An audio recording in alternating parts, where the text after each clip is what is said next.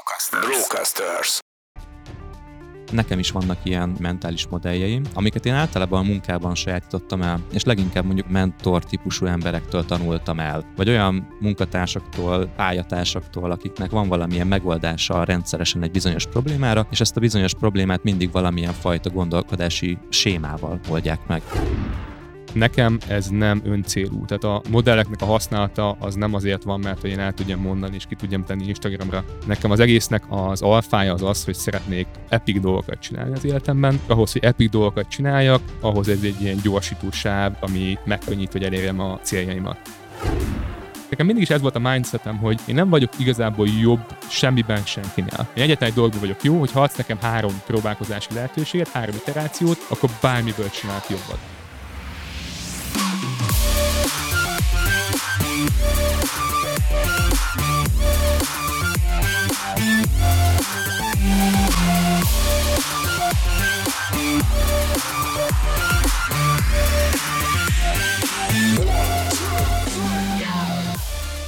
Nagy szeretettel köszöntök mindenkit, Mester Tomi módra. Sziasztok, ez itt egy újabb Business Boys podcast adás. Tábori Viktor a vendégünk.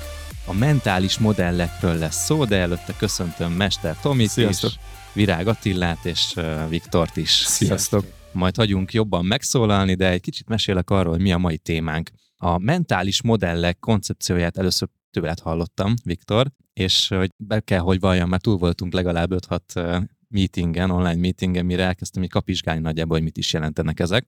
Amikor elértem viszont arra a szintre, hogy elkezdtem érteni nagyságrendileg, hogy miről is beszélünk, és úgy láttam, hogy a Tominak is pont akkor esett le a tantusz, akkor így valami, azt éreztem, hogy valami szupererő lakozik ezekben a dolgokban.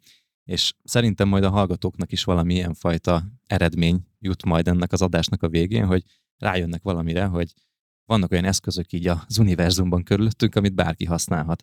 Egyébként Viktorral annyit, hogy már kétszer is szerepelt Tomival a Miamatek podcastben, ott akkor először a kriptóra, utána pedig az NFT-kről beszélgettek, amit egyébként jó szívvel ajánlok minden Business Boys hallgatónak is, mert ezek olyan alaptémák, amiket mindenképpen érdemes tudni, és nagyon-nagyon alaposan dolgozták fel a srácok ezt a két témát, és itt is előkerültek már a mentális modellek, de csak ilyen érintőlegesen. Úgyhogy arra gondoltunk, hogy most ebben az adásban egy kicsit kézzelfoghatóbbá tesszük őket, egy kicsit érthetőbbé alakítjuk őket példákon keresztül, úgyhogy bárkinek felhasználhatóvá váljanak ezek. Viszont csak szerintem kicsit hozzuk képbe a hallgatókat, hogy ki is vagy te, Viktor.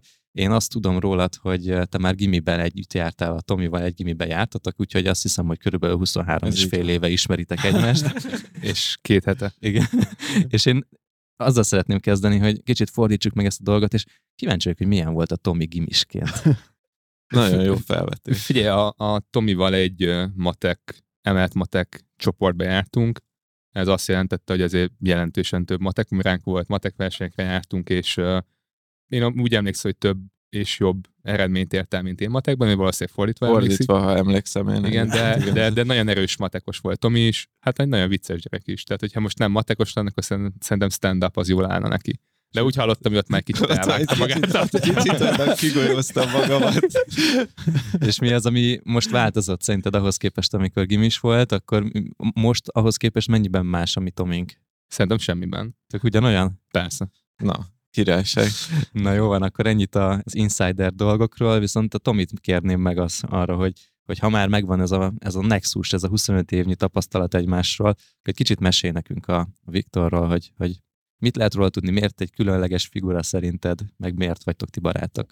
Viktorról azt kell tudni, hogy először is azt, hogy azért ennek a, a mentális modell témának ennek már többször neki futottunk, van kettő felvételünk a fiókban, amiben Viktorral kifejezetten erről a témáról beszélgetünk. Olyan jól sikerültek, hogy ott is maradnak a, a fiókban. De szerintem jó felvételek lettek, de abban megegyeztünk, hogy ez a, ez a mentális modell téma, ez megérdemel egy bevezető részt, de hogy a, a Viktort én azért találtam jónak erre a témára, mert hogy kezdem a gimi sztorival, mert nekem is van egy gimi sztorim a, a Viktorról, egy, én ezt úgy fogalmaztam meg magamnak, hogy már akkor látszott, hogy egy ilyen out of the box gondolkozó, az az volt, számtek órán volt egy olyan feladat, hogy tök mindegy, aki elsőnek megcsinálja Excelben az X feladatot, az kap egy ötöst. És akkor úgy indult, hogy mindenki a kis gépén elkezdett kattintgatni, internet még nem volt akkor, de már lamban voltak a gépek, tehát ilyen belső hálózat volt, és ilyen három perc után mindenkinek a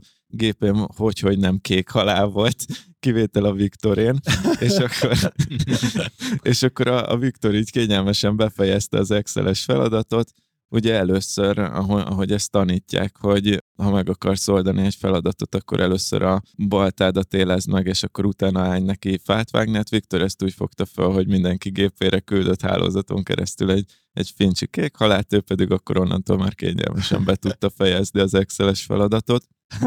De most ez, ez csak egy szelet. Hozzáteszem, a, a másik sztori, amit el, akkor elmondom én is, hogy azért én is out of the box gondolkozó voltam, hogy Viktorról azt is tudni kell, hogy kung fu világbajnok volt gimiben, és azért voltak osztályverekedések, és ott így éreztem, hogy... hogy, vagy? Hogy nem, hanem, hogy nem, hát nem, mert ott egymás ellen ment mindenki, és nem sok esélyem van Viktorra. Mi volt? Viszont a Viktor vegetáriánus is, úgyhogy én, én, én éreztem, hogy, a, hogy, hogy van, van itt egy támadható felület, és megdobtam a szalámis szendvicsem, azért... Ez, és az olyan volt, mint a kriptonit, hogy nem tudta alkalmazni a tudását? Már nem emlékszem, hogy mi lett a vége, de, de igen, valószínűleg azt csináltam, csináltam, hogy utána elszaladtam.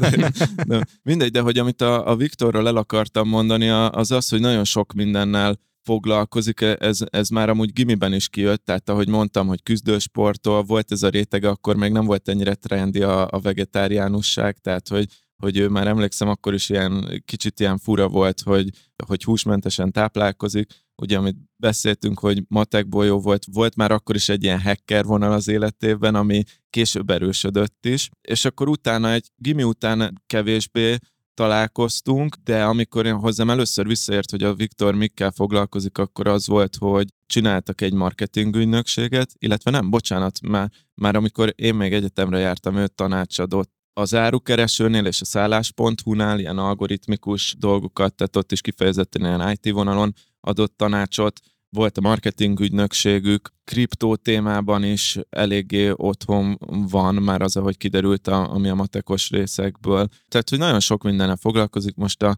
az ilyen egyéb ilyen dolgokat, mint a PUA, az be se hozom, de so, sok mindennel foglalkozik, és nekem tetszik a, a Viktor gondolkodásában ez a, az ilyen, ilyen reneszánsz mindenhez, ért egy kicsit. Minden esetre az egésznek a központjában ott állnak a mentális modellek, amik pedig a mai témánk, és Viktort ezzel kapcsolatban hívtuk el, hogy meséljen ezekről a mentális modellekről, amiket ő ismer, használ. Igen, szóval akkor, akkor kicsit szerintem nézzük meg, hogy mik ezek a mentális modellek, és először szeretném az én perspektívámat behozni, ugyanis én tőled hallottam erről először, Úgyhogy amikor elkezdtem erre az adásra készülni, akkor az általad is felhozott Charlie Mangernek a mentális modelljeinek kezdtem utána nézni, ugye ő Warren Buffettnek az üzleti partnere, és róla azt kell tudni, hogy azon túl, hogy egyébként a világ egyik legsikeresebb befektetője, használ, ha jól tudom, körülbelül száz darab ilyen mentális modellt. Több száz is van egyébként, ha jól tudom, de az ő eszközkészletében százról van szó. Ezek neki jobban segítenek, hogy jobban megértse a világot, gyorsabban tudjon döntéseket hozni, akár érzelmi kérdéseket kezelni, vagy pedig üzleti befektetési döntésekben is segítségére van. Úgyhogy ennek kicsit így elkezdtem utána menni, hát hiszen egy most már elég jó ajánlás volt a mögött a mentális modell téma mögött. Úgy értettem meg ezt a témát, hogy ezek olyan eszközök, olyan gondolkodási eszközök, amik segítenek így a világban jobban navigálni. Segítenek kicsit így sikeresebben, talpra esettebben működni, és valószínűleg mindannyian használunk ilyen modelleket, csak nem biztos, hogy ezeket tudatosan használjuk, nem biztos, hogy ezek tanultak, és vannak olyanok is szerintem, amik ilyen, ilyen programozott beidegződéseink, amiket viszont jobb lenne elengedni. Én szeretem egyébként ezt a mentális modell témát egy kicsit így átfogalmazni, mert kicsit félrevezető is lehet, és én valahogy úgy gondolkozom róluk, mint ilyen gondolkodási koncepció, gondolkodási stratégiák és innentől kezdve nekem már egy kicsit érthetőbb. Úgyhogy elkezdtem ennek egy kicsit utána kutatni, Egyrészt ugye arra jutottam, hogy nekem is vannak ilyen gondolkodási modelljeim, vagy mentális modelljeim, amiket én általában a munkában sajátítottam el elsősorban, és leginkább mondjuk főnököktől, mentor típusú emberektől tanultam el, vagy olyan munkatársaktól, pályatársaktól, akiknek van valamilyen megoldása rendszeresen egy bizonyos problémára, és ezt a bizonyos problémát mindig valamilyen fajta gondolkodási sémával oldják meg. Például egy ilyen közismert modell, és majd erről is fogunk beszélgetni, meg sok minden másról, például az alternatíva költségnek a modellje, vagy a Pareto elvnek a használata, ezek mondjuk itt talán a legismertebbek, vagy ott van a kamatos kamat hatása, ezek ilyen talán unalomig ismételt kifejezések, és mégsem tudtam róluk hogy ezek is mentális modellnek számítanak, viszont lesznek olyanok a mai adásban, amik számomra is ismeretlenek, tehát Viktor fogja nekünk bemutatni őket, vagy amiket ő talált ki, vagy ennél sokkal részletesebben is vannak más mentális modellek, amik egy kicsit mélyebben belemennek így a, az emberi pszichébe. Úgyhogy minden esetre számomra ez egy ilyen mentális eszközkészlet, ami segít abban, hogy gyorsan tudjunk bizonyos problémákat megoldani. Azáltal nem fecsérlünk időt arra, hogy meddő és eredménytelen gondolkodási ilyen körökbe vagy labirintusokba kerüljünk bele, és valahogy az az egyik ilyen végkövetkeztetésem, hogy azok, akik nagyon gyorsan tudnak dönteni az életben, azok valószínűleg tudatosan vagy tudat alatt elég sok ilyen mentális modellt alkalmazhatnak. Úgyhogy ez volt az én megértésem erről a témáról. Közben figyeltem a, a tekintetedet, hogy hülyeségeket mondok, vagy valami értelmeset mondok, de sikeresen úgy látom, hogy bólogatásra készítettelek, de hogy ez volt a laikus megközelítés, mennyire vagyok távol a valóságtól. Tök összefoglaltad a témát, meg a hallgatókat szeretném kérni, hogy mindenképpen értékeljék a különböző applikációkban ezt az adást is. Köszönöm, hogy itt lehettem. és az zárt csoportban lépjetek be. Igen, és a zárt Facebook csoportban mindenképpen lépjetek be. Alapvetően ez egy mentális eszköztár, ezt nagyon jól összefoglaltad, vagy gondolkodási stratégiák gyűjteménye. Ez nagyjából úgy néz ki, mint egy építésen dolgozó embernek a saját eszköztára, tehát hogy ott is nyilván van a kezébe egy csomó minden, meg a közelében, amiket tud használni, és ezáltal gyorsabban nagyobb eredményt tud elérni, ezt hívják amúgy leverage-nek angolul, ugye ez a megsokszorozod a, a saját outputod, a saját hatásodat azáltal ezeket használod, ezeket az eszközöket. Ugye én javasoltam, amikor beszélgettünk még egy felkészülés idő alatt ezt a 2007-es commencement speech-t Charlie Mangertől, ott a Dél-Kaliforniai Jogi Egyetemnek tartott egy ilyen évzáró beszédet, és ő ott felsorolta, ha jól emlékszem, utána 30 mentális modelljét, ami, amit ő leggyakrabban használ, mi 20-at szedtünk most össze, azt biztosan érinteni fogjuk ebben a beszélgetésben, de lehet, hogy még néhány egyéb is be fog csúszni, ebbe lesznek ilyen, amiket mondta egy Pareto, meg checklist, meg iteráció, amit többen ismernek, de lesznek ilyen kevésbé ismertek, mint Dunning-Kruger, vagy, vagy kalúzmetrikák, lesznek már saját modellek is, meg lesznek antimodellek is.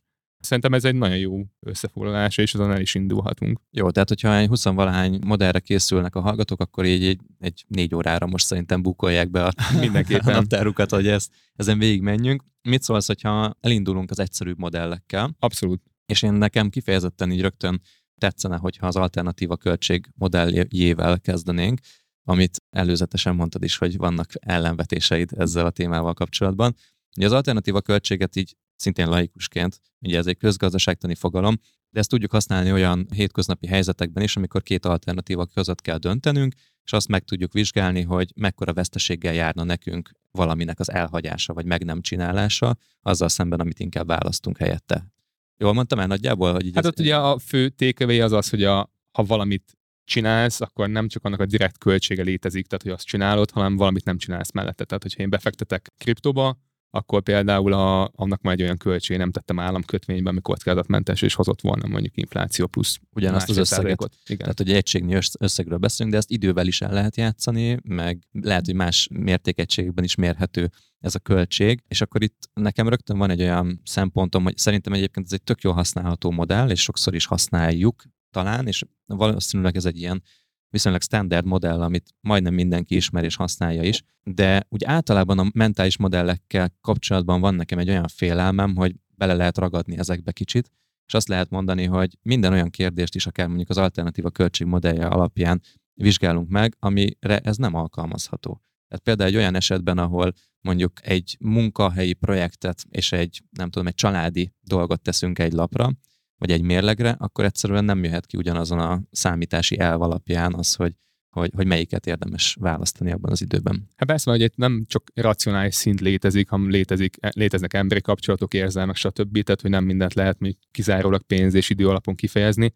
Alapvetően azért nem kedvelem pont az alternatíva költségmodellt, mert ha úgy kezdesz egy problémát megoldani, hogy megnézed az alternatívákat, megnézed a különböző irányvonalakat, akkor uh, igazából úgy nagy hozzáadott értéke nincsenek a gondolkodásnak. Tehát, hogy és itt igazából arra akarom kifutatni a dolgot, hogy nekem ez nem öncélú. Tehát a modelleknek a használata az nem azért van, mert hogy én el tudjam mondani, és ki tudjam tenni Instagramra, és akkor így fel tudjak vele vágni, mennyi mentális modellem van. Nekem az egésznek az alfája az az, hogy szeretnék epic dolgokat csinálni az életemben, és ahhoz, hogy epic dolgokat csináljak, ahhoz ez egy ilyen gyorsító sáv, cheat kódok gyakorlatilag, tehát ami megkönnyít, hogy elérjem a, a céljaimat. Mivel innen indulok ki, hogy, hogy epic dolgokat akarok csinálni, ezek az eszközök jól jönnek. De nagyon jól mondtad azt, hogy ez egyébként zsákutcába is könnyen bevihet téged. Vannak ilyen negatív modellek is, vagy ilyen fallaszik, tehát ilyen, ilyen gondolkodási hibák, és az egyik az az, hogy ilyenkor ezeket az eszközöknek a túl fetisizálása. Tehát ez a tipikusan az, hogy oda mész egy séfhez, és akkor mondod neki, hogy az edénye az nagyon jó kaját csinál, vagy a sütője az nagyon jó kaját süt, vagy a festőnek azt mondja, hogy az ecset az nagyon szép képeket fest, vagy a, azt mondja az ácsnak, hogy a kalapács az nagyon jól veri be a szögeket. Tehát, hogy itt elfelejtjük azt, hogy nagyon könnyű elfelejteni azt, hogy ezek az eszközök csak akkor érnek valamit, hogyha van mögöttük ismétlésszám, és van mögöttük beletett munka. Tehát, hogy a, most csak azért beszélünk ezekről a modellekről, hogy most így valaki kipipálja, és jó, ezeket most hallotta, akkor az valószínűleg nem lesz túlságosan hasznos, mert nem fog soha elő, előjönni az életében. Versus, hogyha valaki végig gondolja, hogy jó, ezt most különböző területeken hol tudnám használni, akkor már is van egy ilyen gyakorlati oldala, és akkor bejön az, hogy jó, ez, ez tényleg lehet hatással, érdemi hatással az életére. És itt például most a, pont a Dunning-Krugert akár be is dobnám így a köztudatba, ez, ez többen ismerik, ez egy egyszerű grafikon, ami egy ilyen mosolygós smiley grafikon, ami kb. azt mutatja meg, hogy ha a bal oldaláról elindulunk, kevés tapasztalattal, baromi magas az önbizalmunk, és hogy szépen megyünk jobbra, és növekszik a tapasztalatunk, az önbizalmunk az csökken, és elérünk egy inflexiós pontot, ahol, ahonnan elkezd újból nőni. És ugye ez azt mondja, ez a jelenség, ez a Dunning-Kruger jelenség, hogy a legmagasabb az önbizalma valakinek akkor, amikor semmit nem tud, vagy nagyon-nagyon keveset tud egy területről. Mert nem tudja, hogy mit nem tud. Igen, nem tudja, mit nem tud. Nem jelenik meg az az érzés, hogy hiányom van valamiből. Igen. Ugye? Tehát ez a magas szintje, és az önbizalomnak az alapszintjét azok a dolgok határozzák meg, amiket amúgy tud. Igen, meg ugye standard példa az, hogy az embereknek 80% azt gondolja, jobban vezet, mint az átlag, ami matematikailag ugye nem jön ki. és egyébként nekem alapvetően Dunning-Krugerrel is vannak, és nem azt mondom, hogy feltétlen problémáim vannak, hanem én találtam ennél hasznosabb modellt, és nem is feltétlen modellt, hanem mentális képet ennél. De akkor beszéljük meg még, hogy a Dunning-Kruger az hogy használható a mindennapokban. Azért vinném tovább ezt a gondolatot, hogy mi az, ami ennél jobban használható, mert igazából ugyanez, csak egy picit másképp kifejezve, tehát nem egy ilyen jól megnevezett névvel, hanem a, a sekélytavak saját interpretációmat használnám, és akkor azt, azt mondanám el, hogyha... Én a Dunning-Krugerre tudok egy jó példát, utána mehetünk ja. egyből a sekélytavakra.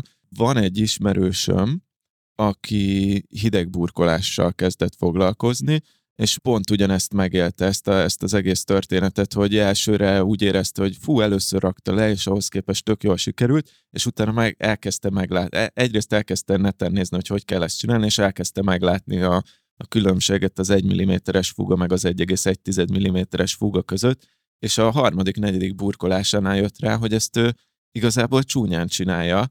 Megnéztem én is, amúgy gyönyörűen csinálta, de hogy ez a tipikusan az impostor szindrómának szokták nevezni, amikor már egy ideje csinálsz valamit, és a Dunning-Kruger effektel lehet magyarázni. Egy ideje csinálsz valamit, akkor, akkor beleesel abba a, az érzésbe, vagy, vagy elönt az az érzés, hogy te ehhez nem is értesz, te egy kuruzsló vagy, te nekem is mondjuk az online kurzusaimnál lehet, hogy nem is tudom olyan jól ezt a data science-et, ezt éreztem mondjuk 2017-ben, nem vagyok elég jó, hogy oktassam, és hogyha az ember tisztában van ezzel a modellel, amit itt leírtál az előbb, akkor tudja racionalizálni azt, hogy most ezen a részén tart ennek a skálának, ez azt jelenti, hogy annál már jobb, mint aki full magabiztos ebben a, a történetben, és ezzel könnyebben le lehet küzdeni az impostor szindrómát. Talán ez az egy fix felhasználási módja van, amit én láttam. És ez attól lesz mentális modell, hogy tudatosan elképzelem saját magamat ezen a ebben a koordinátorrendszerben, hogy hol tartok rajta, és ezáltal tudom újra értékelni azt, hogy én valójában tényleg egy rossz szakember vagyok-e? Ugye ez arra jó, hogy ha mondjuk belekerülsz egy ilyen negatív spirálba esetleg, vagy most Tomi így elmondott, hogy és egy nyilván ez egy kontraintuitív következmény a modellnek, tehát hogy ahogy nő a tapasztalat, csökken az önbizalmad. És ugye ezt fordítva gondolnánk alapvetően, és ha ez egy tisztában vagy, akkor nem azt mondom, hogy könnyebb lesz, mert ez olyan, mint egy gyász, hogy attól függetlenül, hogy tudod a gyásznak a lépéseit, hogy van hat lépése, az egy fél fokkal se fogja könnyebbé tenni azokon a lépéseken való végighaladást. Tehát az tisztában vagy vele, ezeken végig kell menni. Ugyanakkor ad egy idézősen reményt, vagy egy ilyen, egy ilyen pozitív fényt az alagút végén, hogy jó úton jársz, tehát hogy itt ne, ne hagyd abba, tehát hogy most egy abszolút egy teljesen természetes folyamat az, hogy igen, el, elkezdtél tapasztalatot gyűjteni, és az önbizalmad megcsökken. És amit ugye mondtál, hogy ugye ezeket használni kell, nekem pont ez a, az egyik legnagyobb problémám a Dunning-Krugerrel, hogy nagyon intellektuális. Tehát arra tökéletes, hogy egy vasárnapi családi ebédnél felhoz, mindenki azt gondolja, hogy milyen okos vagy, de így, így az, hogy ez így rendszeresen a fejedben legyen, az viszonylag nehéz, illetve van ennek egy ilyen, nagyon könnyen félreérthető. Nagyon könnyű félreértelmezni, hogy ez egyetlen egy görbe. Tehát egyetlen egy ilyen mosolygós görbe, és hogyha ha te ezen végigmentél, tehát már valamivel jó lettél, akkor onnantól kezdve mindenben is jó vagy. Ami nyilvánvalóan nem igaz.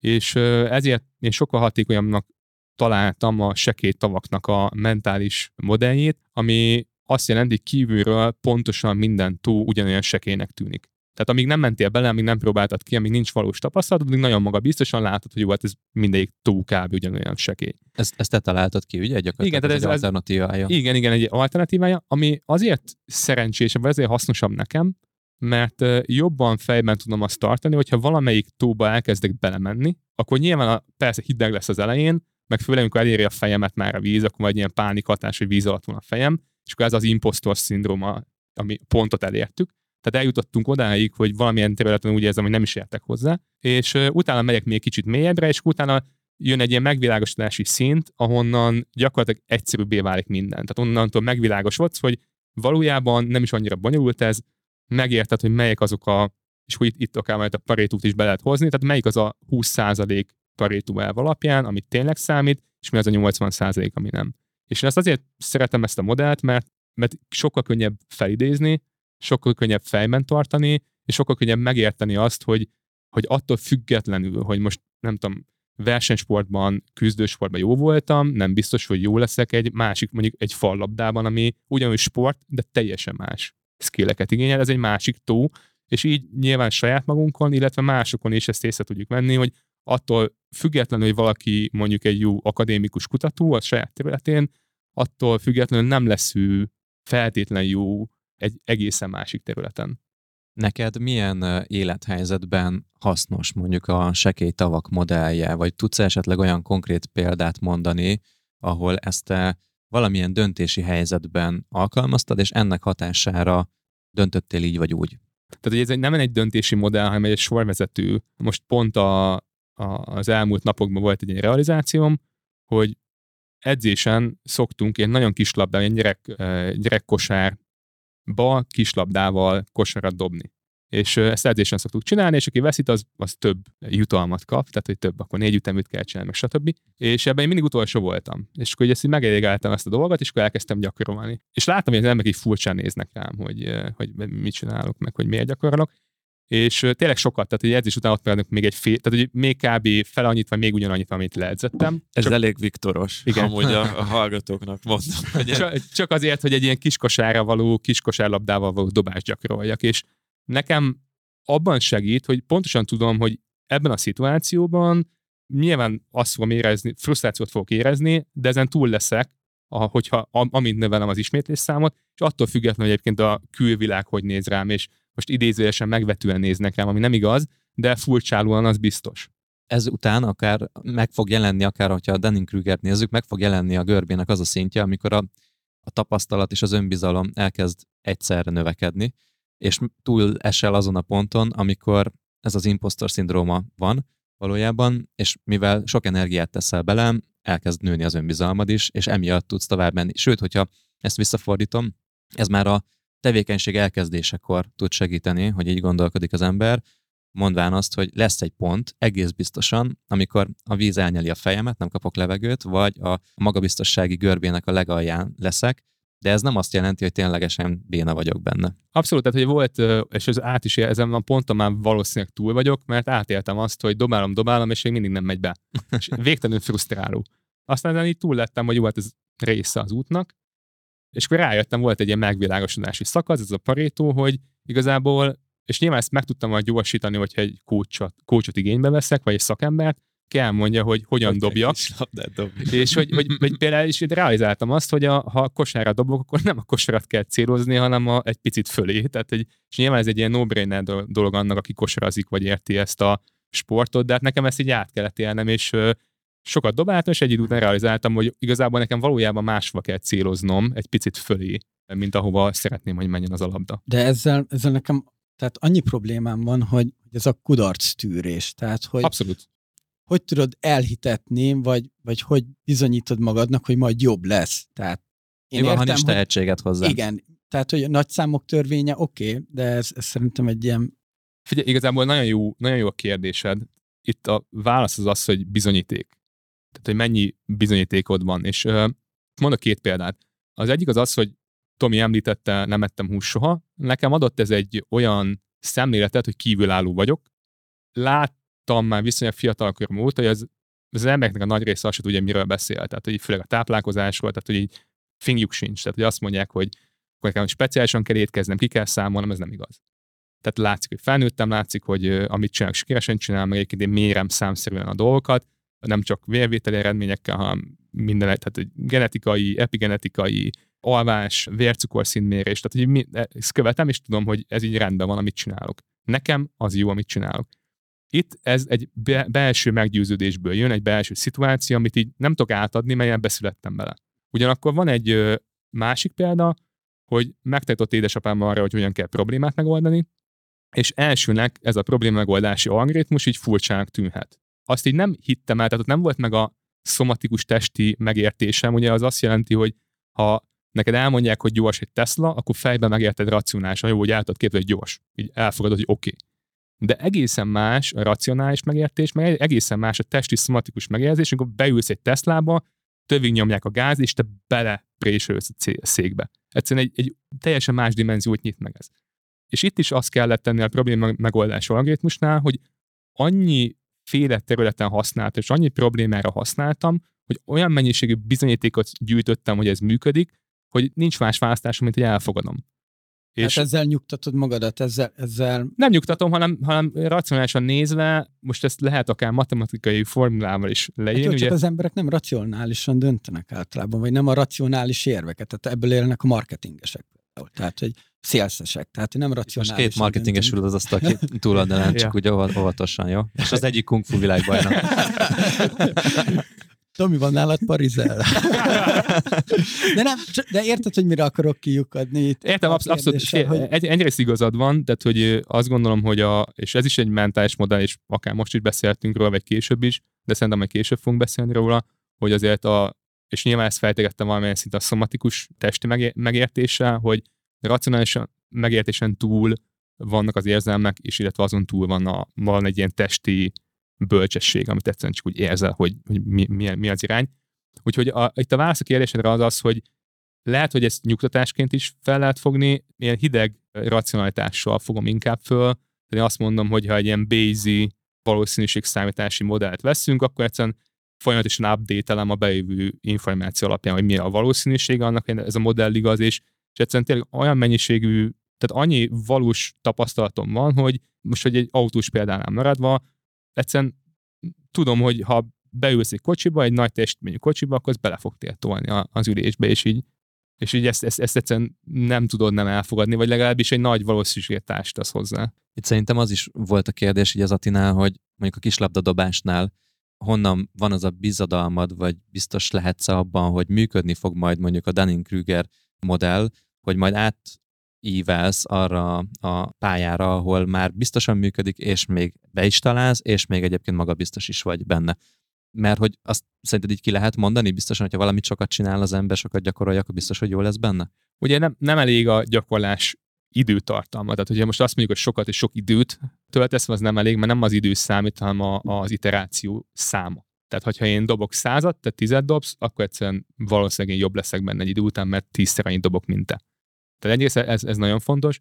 A másik az, hogy legyen nagyon pontos és nagyon gyors feedback. És ugye ez egy, egy gyakorlatilag a tanulásnak az alapja, hogy ha te minél többet csinál, minél többször csinálsz valamit, és minél pontosabb feedbacked van, jó vagy nem jó, annál gyorsabban fogsz tanulni. És ugye ez nem csak a tanulásnak a tudománya támasztja ezt alá, hanem a különböző AI algoritmusok is, vagy ezek a mesterséges nem reális hálóknak a trenírozása is pontosan így működik, tehát hogy ez volt az egyik ilyen legnagyobb áttörés a, ez, ezen a területen, hogy nagyon sok iterációban tanítják a hálózatot, és folyamatosan visszajelzik, és ez backpropagationnek hívják, ez ilyen visszafelé való propagálás, hogyha valamit elrontottál, akkor onnan egy picit vissza, visszamész, hogy jó, azt megpróbáld kijavítani, és akkor megint próbálkozol. És ezt nagyon sok ciklusban csinálod, akkor egy idő után meglepően jók lesznek ezek a neurális hálók, de ugyanígy működik az emberi agy is, tehát hogy a, ez a, még egyszer csak azt tudom elmondani, hogy nagyon sok bizonyíték. Tehát, hogyha te több területen elérte egy bizonyos szintet, akkor, akkor ezt jobban el fogod hinni.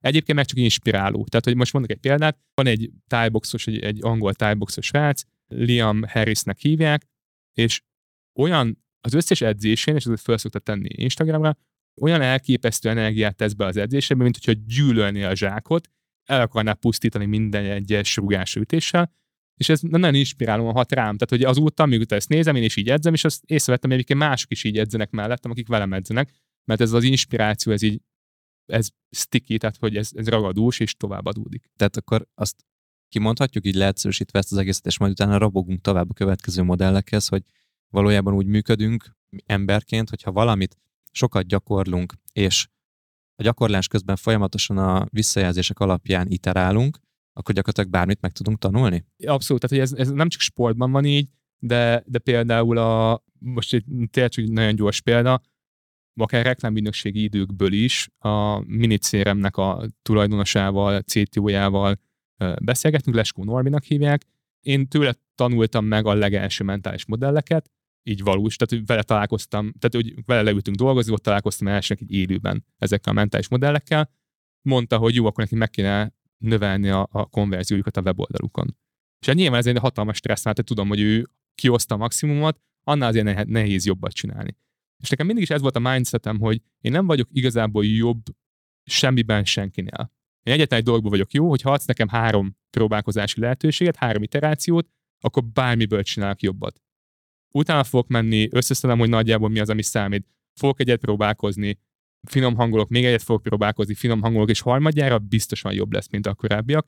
És ott egyébként majdnem szerintem fel is mondott a fél csapat nálunk, mert ötször csináltuk újra a landing page-et, mert még mindig nem volt jó, még mindig nem voltak ott, a, a, ott azok a, nem, nem válaszoltuk meg azokat a kérdéseket, amik, össze, amik visszajöttek adatokból, és mire kiment, egyébként megdupláztuk a konverziót, de ugye ez nem, nem azt jelenti, hogy én oda megyek, és nagyon-nagyon okos vagyok, és megmondom előre azt, hogy én, hogy hogyan kéne csinálni, hanem egyszerűen biztos vagyok benne, iterációkkal tudok jobbat csinálni. Tehát akkor az iteráció is egy mentális modellnek Abszolút. számít. Kicsit fejtsük akkor fel, hogy, hogy végülis ez, ez mitől egy mentális modell. Én, én azt értem, hogy újra és újra próbálkozol, és a, az első tapasztalatnak a, az információit beépíted a második próbálkozásba, majd a másodiknak a tapasztalatait beépíted a harmadikba. Ez hogy lehet modellként, mentális modellként a hétköznapokban használni? Ugye ez csak egy eszköz, tehát hogyha a, most veszük ezt a felvételt, ugye most csináltunk, Tomi is mondta, hogy csináltam meg két felvétel, ami a fiókban van, ugye ezt a nápoi pizzáról csináltuk mind a kettőt, és itt az volt a konklúzió, hogy maga a témaválasztás nem jó első adásban, meg egyébként én egy hatalmas pizza nerd vagyok, és egyébként a Tomi meg nem feltétlen nagy gasztró fan, és, és ezért nem is volt ez feltétlenül jó elsőnek, és most itt ülünk egy harmadik felvételen egy teljesen más struktúrában. Uh-huh. Csak hoz, hozzáteszem, hogy annyi eredménye mindenképpen volt, hogy utána elmentem nápolyi pizzát tenni, és tényleg nagyon jó, és majd lehet, hogyha a hallgatók nagyon kérik, akkor valamilyen extra bónusz csak zárt csoport felirat, vagy nem tudom, valamibe kitesszük azt az adást, mert nápolyi pizzás adásnak szerintem zseniális. Hát mert ugye ez nem csak egy adás, ez egy masterclass. Tehát ott igen, egy, igen, igen, igen, igen. Egy másfél órában, ott mindenről szó van, hogy mit, miből, mitől lesz jó egy nápolyi pizza. A címe az lett volna, hogy nápolyi pizza, mentális modell feltétel.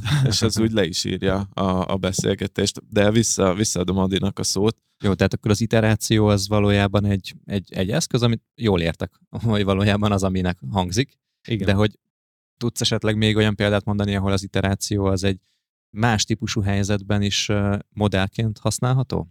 Mi a legnagyobb kihívás tud, neked? Tud-e, tud-e egy, az iteráció, mint mentális modell például valamilyen érzelmi kérdésben uh-huh. módszer lenni? Tehát, hogy most mondok egy, egy esetet, valami, valami témában mondjuk maradjunk az impostor szindrómánál, valamilyen témában önbizalomhiányos vagyok, és impostor szindrómám van, és ez mondjuk egy belső belső monologként pusztít engem. Igazából az iterációnak a lényege az az, hogy bizonyítékokat gyűjts. Ha te utána azt mondod magadban, jó, te nem vagy jó, nem vagy jó, egyrészt, hogy végig tudod gondolni, hogy ez feltétlenül tényleg igaz-e, és mindenre igaz-e, vagy van-e olyan dolog, vagy volt életedben olyan dolog, ahol ez, ahol ez nem volt igaz, tehát tényleg jó voltál, és ez az egyik, amit tudsz csinálni, más még az, hogy elkezded, elkezdesz bármit csinálni, amit tényleg érdekel.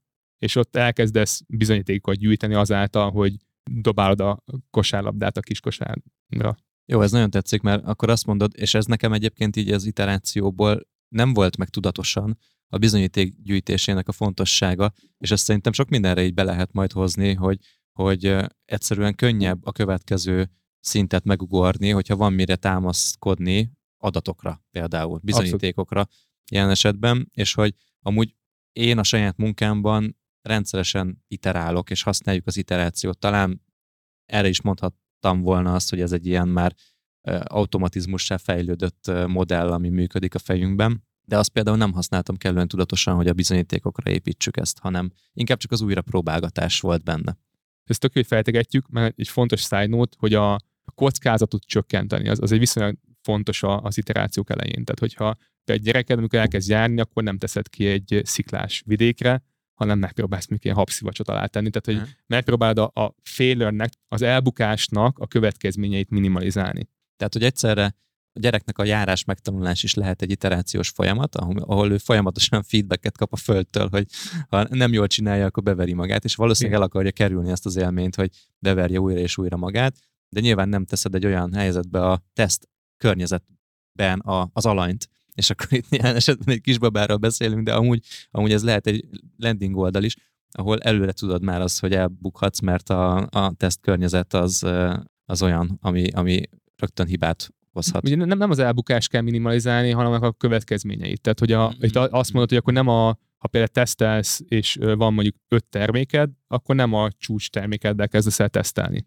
De azt mondod, hogy a, a legkisebbel, ami legkisebb hatású, azon kezdesz el tesztelni. A legkisebbet bukhatsz. Igen, igen. ott bukhatod a Tehát egy, ára, egy árazási ABCD tesztelésnél igen. nem biztos, hogy a fő termékedhez nyúlsz hozzá, hanem kicsiken tesztelgeted a közönségednek a vásárló erejét. Igen, de ezt csinál, csinálják egyébként a testcégek is, vagy amikor rolloutolnak, csinálnak egy új fejlesztést, akkor azt nem úgy teszik ki a nagyvilágban, hogy megnyomnak egy gombot, és mindenhol elérhető, hanem ezt ilyen koncentrikus körökben egyre szélesebb rétegnek teszik elérhetővé, és folyamatosan nézik, hogy egyébként van-e hiba, és hogyha bárhol van hiba, akkor gyorsan vissza tudják csinálni a változtatást. Nekem az önbizalom fejlesztéshez, meg az iterációkkal arra van egy példám, egy barátom barátja mesélte, hogy olvasta a pua.hu-n, hogy, hogy az a pua, az a pick-up artist, tehát ez a csajozó művészek, ez régen nagy divatja volt itthon is. Szóval ez a barátom barátja mesélte, hogy ott, hogy ott azt a technikát oktatják, hogy ha önbizalomhiányos vagy, akkor ne azt csináld, hogy bulikban odamész csajokhoz, vagy akárhol odamész csajokhoz, és megpróbálod leszólítani őket, hogy átlögd magadat ezen a dolgon gyorsan, hanem hogy menj oda utcán emberekhez, és kérdezd meg, hogy mennyi az idő.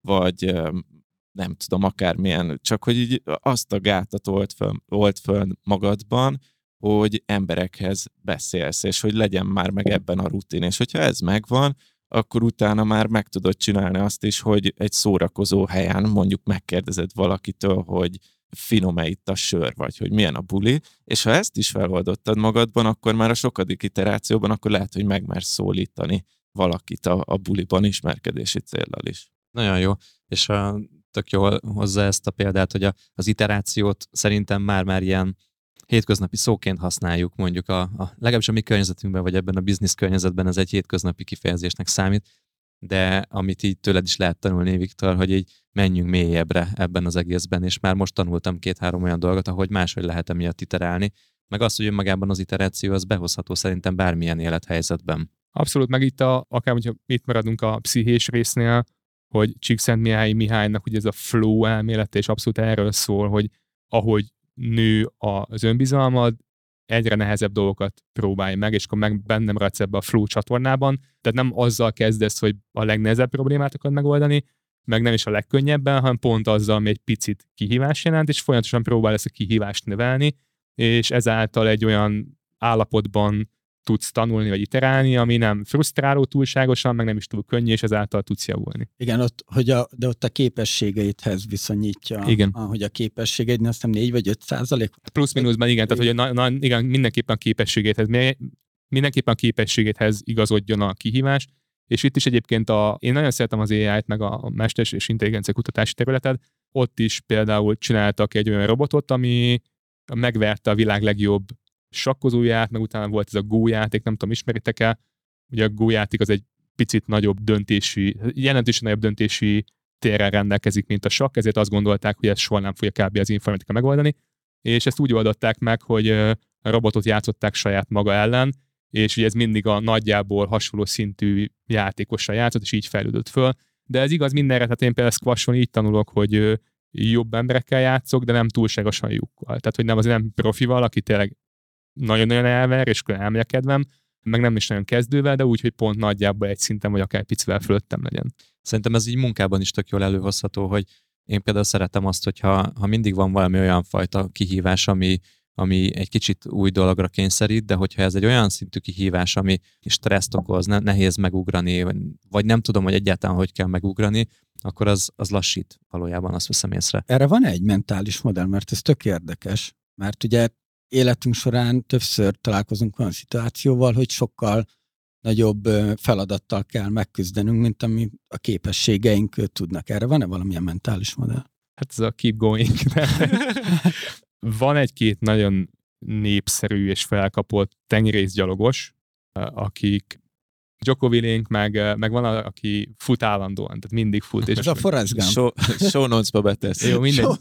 és, és ugye ők ennek a nagy szószólói egyszerűen, és ez az egyik legnagyobb tékevei a tengerészgyalogosoktól, hogy amikor te azt gondolod, hogy már vége van, akkor még legalább egy 40-50 százalék benned. Volt erre példa, hogy valaki fölbérelt egy tengerészgyalogost, hogy akkor segítsen neki, nem tudom, otthon edzeni, és tényleg azt gondolta, hogy nem tud többet húzóckodni, még akkor is ráhúzott 40-et a végén. Tehát, hogy itt is azért azt gondolom, hogy a bizonyítékoknak a gyűjtése az, az mindenképpen, mindenképpen segít. Nézzük egy olyan mentális modellt, ami nem ennyire ismert név alapján a hétköznapokban. Például az egyik, amit tőled hallottam először, az a Jobs to be done modell, amit egyébként persze úgy ismer az ember, nem név alapján. Én azt gondolom, hogy nem feltétlenül annyira, tehát hogy nem, nem gondolom, hogy ismerik, mert nagyon kontraintuitív a tanulság belőle. Hogy ez a Jobs to be done ez arról szól, hogy te, és ez a nagyon gyors összefoglaló, hogy te két centis furó fejet akarnak neked eladni a boltban, de te valójában két centis lyukat szeretnél. Igen, ez egy példa. Tehát, Igen, ez a... egy példa. A lényeg az az, hogy szolgáltatásokat és termékeket azért veszel igénybe, mert van valami feladat, amit el akarsz végezni, és nem, azért, és nem azért, mert te mindenképpen akarsz venni egy újságot, hanem te azért veszed meg a Forbes-ot, mert szeretnél up-to-date lenni, és szeretnél új, innovatív ötletekkel találkozni az üzleti életben és nem pedig azért, mert most 30x éves vállalkozók ülnek ennél az asztalnál, nem azért veszük a Forbes-ot. És ennek a leghíresebb szószólója Clay Christensen volt, aki egy Harvardi management gondolkodó, őt amúgy onnan lehet ismerni, és ez is egy mentális modell, de csak két szóban a disruptive innovationra lehet őt ismerni. Ez a disruptive innováció arról szól, hogy jön valami olcsó dolog, ami lehetővé teszi, hogy az addig nem fogyasztók is fogyaszthassanak. És erre egy tök jó példa például a, az okostelefon, vagy a, a mobiltelefonoknak a, a fényképezőgépe, hogy maga a mobiltelefon az nagyon olcsó volt, amikor megjelent, és amikor megjelent rajtuk a fényképezőgép, az nagyon-nagyon rossz minőségű volt, és ez nyilván nem veszélyeztette az addigi profi fotós gépeket, de ugye mindenki a kezébe adott egy kvázi fényképezőgépet.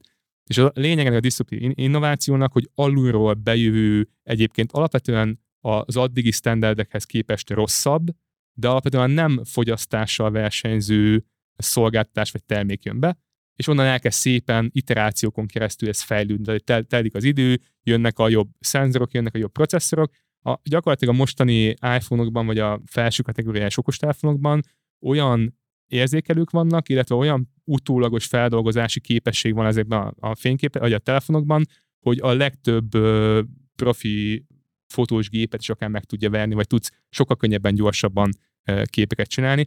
És ez a disruptív innováció erről szól, hogy alulról bejövő termék megeszi a piacot. Ami miatt nekem nagyon szimpatikus lett egyébként ez a fószer, a Clay Christensen, mert neki volt egy How Will You Measure Your Life, és akár ez is lett egy mentális modell, ahol ő arról beszél, hogy ő egy végtelenül vallásos ember, hogy dolgozott egy tanácsadó cégnél, és akkor mondták neki, hogy akkor vasárnap is be kéne jönni, és mondta, hogy vasárnap az a, az a, az, az, az Isten. Úrnapja. Igen. Akkor ő nem fog bejönni. és ő, akkor mondták neki, hogy jó, akkor így elmentek, és mondták, hogy jó, akkor szombaton kéne jönni, és akkor, akkor lesz a meeting, és mondta, hogy hát figyelj, ez tök jó, de a szombat a feleségemé. És akkor mondták, hogy akkor, akkor döntse el, mit szeretne. És mondta, ez egy nagyon egyszerű döntés, meg a feleségét választja. és hát akkor mondták, hogy jó, akkor ez mégse így lesz, és akkor kérdezték, hogy esetleg pénteken dolgozik-e. És ez egy TED Talk, ez is majd a benne lesz, hogy erről beszél, hogy az életed végén attól függetlenül, hogy vallásos vagy-e, mert a vallásos vagy akkor Istenne, hanem akkor saját magaddal el kell számolnod, hogy mi alapján méred az életedet. Tehát mi, mi alapján mondod azt, hogy te sikeres voltál, ez egy jó élet volt, vagy nem volt jó élet. Most ebben nem is nagyon kell jobban belemenni, de ezeken egy nagyon erős mindset shift volt, hogy nem biztos, hogy a pénzt, vagy a nem tudom, a, az idézőesen a társadalmi szempontból sikereket kell hajszolni, hanem lehet, hogy például a család az, az nekem, nekem személy szerint az egy kielégítőbb dolog. És akkor itt ezt szerintem kicsit, amit az elején mondtam erre rímel, hogy ezek ilyen gondolkodási koncepciók, vagy olyan shortcut, vagy rövidítés, ahogy te mondtad, hogy, hogy van egy helyzet, ahol egyszer nem kell gondolkodnom tovább, mert tudom, hogy a szombat a feleségem napja. Igen. Vagy azt mondani, hogy, hogy vannak olyan prioritások, amik előnyt élveznek valami mással szemben, és hogyha a kettő, lásd akkor alternatíva költségmodell, hogyha a kettő egy időpontra esne, akkor a prioritásom a korábban felállított gondolkodási modellem miatt pontosan tudom azt, hogy melyiket fogom választani, és nem fecsérlem az időt arra, hogy ezt megváltoztassam, mert eldöntöttem, hogy így megyek. Igen, és uh, itt van egy tök érdekes uh, mentális modellje Jeff Bezosnak, ez az Amazonnak az alapítója. Ő úgy hívja ezt, hogy Regret Minimization Framework, tehát ez a megbánást minimalizáló keretrendszer, és ő azt a kérdést tette fel magának, amikor mert ő egyébként befektetési alapnál dolgozott, ha jól emlékszem, és egy hatalmas bónusz kapott volna pár hónapon belül, és jött ez az internet dolog, és akkor látta a lehetőséget, hogy itt meg lehet csinálni az Amazon teljesen könyvekkel el lehet indulni. És az volt a kérdése, hogy most megvárja-e, hogy megkapja a bónuszt, és utána kocol, vagy ő, ő akkor most föláll és elmegy. És akkor, akkor jött elő ezzel a gondolkodási keretrendszerrel, hogy mit bánna meg jobban 80-90 éves korában a halálos ágyán, azt, hogy megpróbálta ezt az internetes dolgot, tehát hogy legalább dobott egy dobókockával és kipróbálta, hogy milyen, vagy azt, hogy a biztosat választotta, és ő arra ment, hogy jó, ő nyilván azt, azt bánná meg ebben a szituációban, hogyha ezt nem próbálta volna később, felállt az asztaltól, és, és megalapította az Amazon. Erre a Mészáros Beának a általunk jól ismert és sokszor emlegetett, és a műsorban is többször megszólaló Mészáros Beának a modellje, ezek szerint, így most áll össze a fejemben, remélem, hogy nem sértődik meg, hogy elmondom, de nekem tanított ez a úgynevezett veranda modell, vagy veranda, nem tudom, módszertan, ami arról szól, és ez nagyon hasonlít ehhez, amit mondasz, hogy bizonyos döntési helyzetekben azt vizsgálta meg, hogy ha majd 80-90 évesen kintül a ház előtt a verandán, és visszagondol az életére, akkor megbánná azt, hogy nemet mondott erre a helyzetre, vagy örülne annak, hogy valamit kipróbált, megélt az életében. Ez egy, szerintem így nagyon sokat segít, és amit mondasz te is, ez a megbánás, minimalizálás, hogy tényleg, hogy ez alapján döntéseket hozni, az, az nagyon sokszor egyébként az adott pillanatban, most 20-30 évesen is iránymutatást jelenthet. Abszolút, meg hogy ott vagy 90 évesen, cserélnél az összes pénzedért cserébe a 30 éves mostani magaddal. És nekem a válasz az, hogy igen. Tehát, hogy itt uh, nyilván lehet másfajta takeaway, mint, uh, mint Bezosznak, hogy akkor elmész bizniszt építeni. Nyilván ehhez kell egyébként egy tapasztalat, egy önbizalom, egy anyagi helyzet, tehát hogy ez nyilván mindig nagyon egyedi, hogy ki milyen végeredménye jön ki ebből a kérdéskörből, de nekem ez az utóbbi időben egy nagyon erős tanulság volt, hogy, hogy a családot azt, azt szeretném priorizálni.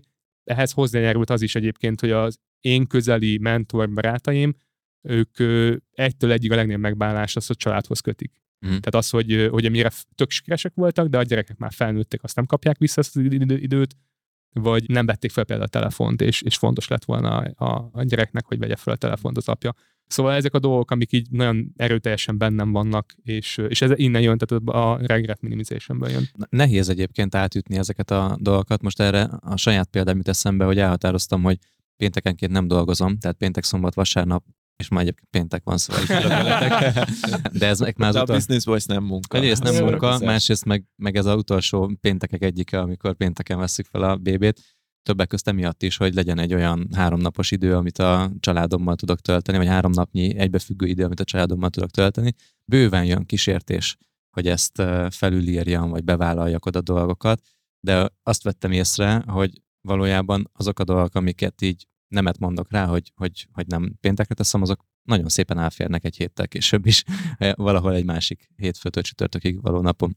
Én itt egyre jobban az a kép rajzolódik ki bennem a mentális modellekről, hogy egyik sem egy olyan önmagában egy nagyon világ megváltó dolog feltétlenül, viszont az, hogy ki vannak mondva, az segít egyrészt priorizálni, tehát hogy te el tudod dönteni, hogy, hogy tényleg ezt, amit az Adi is mondott, meg Viktor, te is mondtál így az adás elején, hogy vannak eszközeid, amit ki tudsz venni a táskából, de hogy maga nekem az is eszembe jut róluk, hogy van ez a mondás, hogy az a szó, amit nem ismersz, arról nem tudsz gondolkozni. És, és olyan, mintha egy ilyen szótárat építenél magadnak, ebből a, a, vagy az ember szótárat tudna építeni magának ezekből a mentális modellekből, és amikor már tud így gondolni egy abstrakt koncepcióra, vagy akár egy nagyon összetett, komplex dologra is, hogy ja igen, regret minimization, vagy megbánás igen, minimalizálás, megbánás vagy veranda minimalizálás, modell. vagy veranda modell,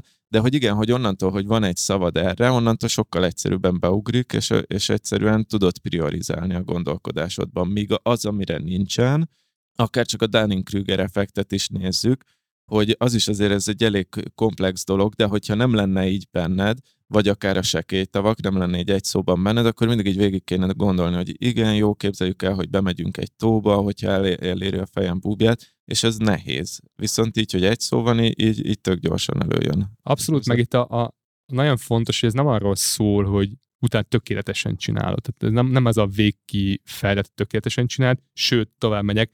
Ez nagyon érdekes, szintén ilyen mentális kép, vagy mentális modell volt, hogy minél jobban tudsz valamit, annál jobban oda kell figyeljél, hogy észrevedd, hogy mi az, amit még nem tudsz. Tehát ugye azt gondolnánk, hogy minél profi vagy valamiben, annál jobban el tudod engedni. Ehhez képest, a megnézed akár profi kosárlabdázókat, ők mindenre odafigyelnek, tehát van saját, nem csak teljesen rekreációs központjuk, de saját szakácsuk is például. Illetve, hogy még csak visszatérve a tökéletességre, van egy modell, ez a informatikában használják, hogy garbage in, garbage out, tehát hogyha szarvárban nem lehet várat építeni, ha mondjuk ez adatbányászatnál használják elsősorban, tehát hogy az adatok nem jók, tehát nem jó minőségű bemeneti adat, akkor bármilyen fancy algoritmus rá tudsz dobni, annak nem lesz jó a, a kifejlete. És ez ő... olyan, mint hogyha horrorfilmeket néz az ember, é. akkor valószínűleg az lesz egy idő után, hogy a fejet is átveszik azok az érzések, amik ott vannak. Hát vagy, csak, vagy csak ha negatív vagy például, tehát ja. akkor, akkor mit vársz, vagy hogyha híreket olvasol állandóan, ami, vagy globális híreket olvasol állandóan, aminek semmi célja nincs, azon túlmenően, hogy rákattints, és, és megszerezze a figyelmedet, és eladjanak neked hirdetéseket. És itt egy példa, hogy legutóbb csináltam epellekvárt, és akkor azt gondoltam, hogy, hogy ez úgyis meg lesz főzve, meg lesz édesítve, hogy akkor nem kell annyira szép epreket beletenni, tehát beleteltem a nem annyira szép epreket, és beszar lett. és és ak- ak- ak- akkor realizáltam ezt, hogy, hogy igen, tehát ez a garbage in, garbage out, mégis mit vártam, tehát hogy mégis mi volt így az elképzelésem az egész sztorival, de ugye azért volt, azért nagyon jó ez a modell, mert így észre tudom ezeket venni. Ugye szokásoknál is szokták ezt mondani, hogy tudom, hogy most vettetek fel egy ilyen felvételt, erről, hogyha elmegy egy vonat, és vetted leessen róla, akkor nem az a lényeg, hogy ne es le soha vonatról, ha mindig visszaszállj. Tehát ne, ne, ne teljen úgy két nap, uh-huh. hogy nem csináltad a szokást. Ez semmi baj nincs, hogy egyszer nem csinál, de ne legyen szokás abban, hogy nem csinálod a szokást. Uh-huh. És itt is az a, az a lényeg, hogy ha megvannak ezek a modellek, akkor így tudsz visszacsatolni, hogy jó, hát oké, tényleg garbage in, garbage out, tehát hogyha ha jó minőségű appeket használnak, jó lesz a gem is, és uh, itt csak te, megint csak egy félmondatos, gyors modell, hogy, uh, hogy az egyik legveszélyesebb antimodell az az én nem. Tehát, hogy azt gondoljuk, hogy uh, például befolyásolási módszertanok, azok tök jók, de rám nem hatnak. Azt gondolom, hogy az emberek hibáznak bizonyos dolgokban, de én nem. Most az egyszer meg tudom úszni ezt, hogy beletesztem ezt a három szem nem annyira jó epret. Jobs to be done. Jobs to be done, vissza. Menjünk vissza. Igen, vissza.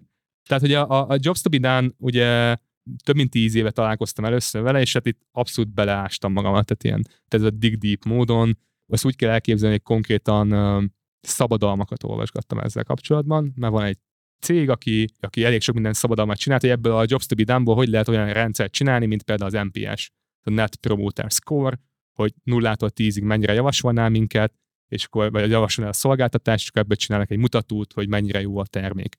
És hasonlót akartak csinálni, és nagyon érdekes ez a Jobs to be done. Annyira, hogy ezt használtuk is a reklámügynökségben, kb. mindenre. És itt a jó eredményekkel, és a jobs to be done, hogyha mélyebbre megyünk ezen túlmenő, hogy jó két centis lyukat szeretné a falban, nem pedig két centis fúrófejet, akkor valójában mit akarsz? Ugye azt akarod, hogy ott legyen egy fénykép a falon, tehát ha így vesszük, hogy ez a job, hogy legyen egy fénykép a falon, akkor ennek versenytársa egy projektor is, egy dupla oldalú ragasztó is a fúrónak a versenytársa, tehát egy csomó minden versenytársa lesz hirtelen a fúrónak, amit egyébként nem gondolná. És hogyha egy picit mélyebbre mész, akkor itt a joboknál vannak funkcionális, társadalmi és vannak emocionális oldala is, és a funkcionális az a, az a get shit done, tehát hogy ez a le kell vinni a szemetet, tehát hogy így ebbe így semmi nem kell beleképzelni, vagy A-ból B-be el kell jussak, és ehhez egy autó, egy roller, egy bicikli jó, hogy A-ból B-be eljussak. Ez egy funkcionális dolog.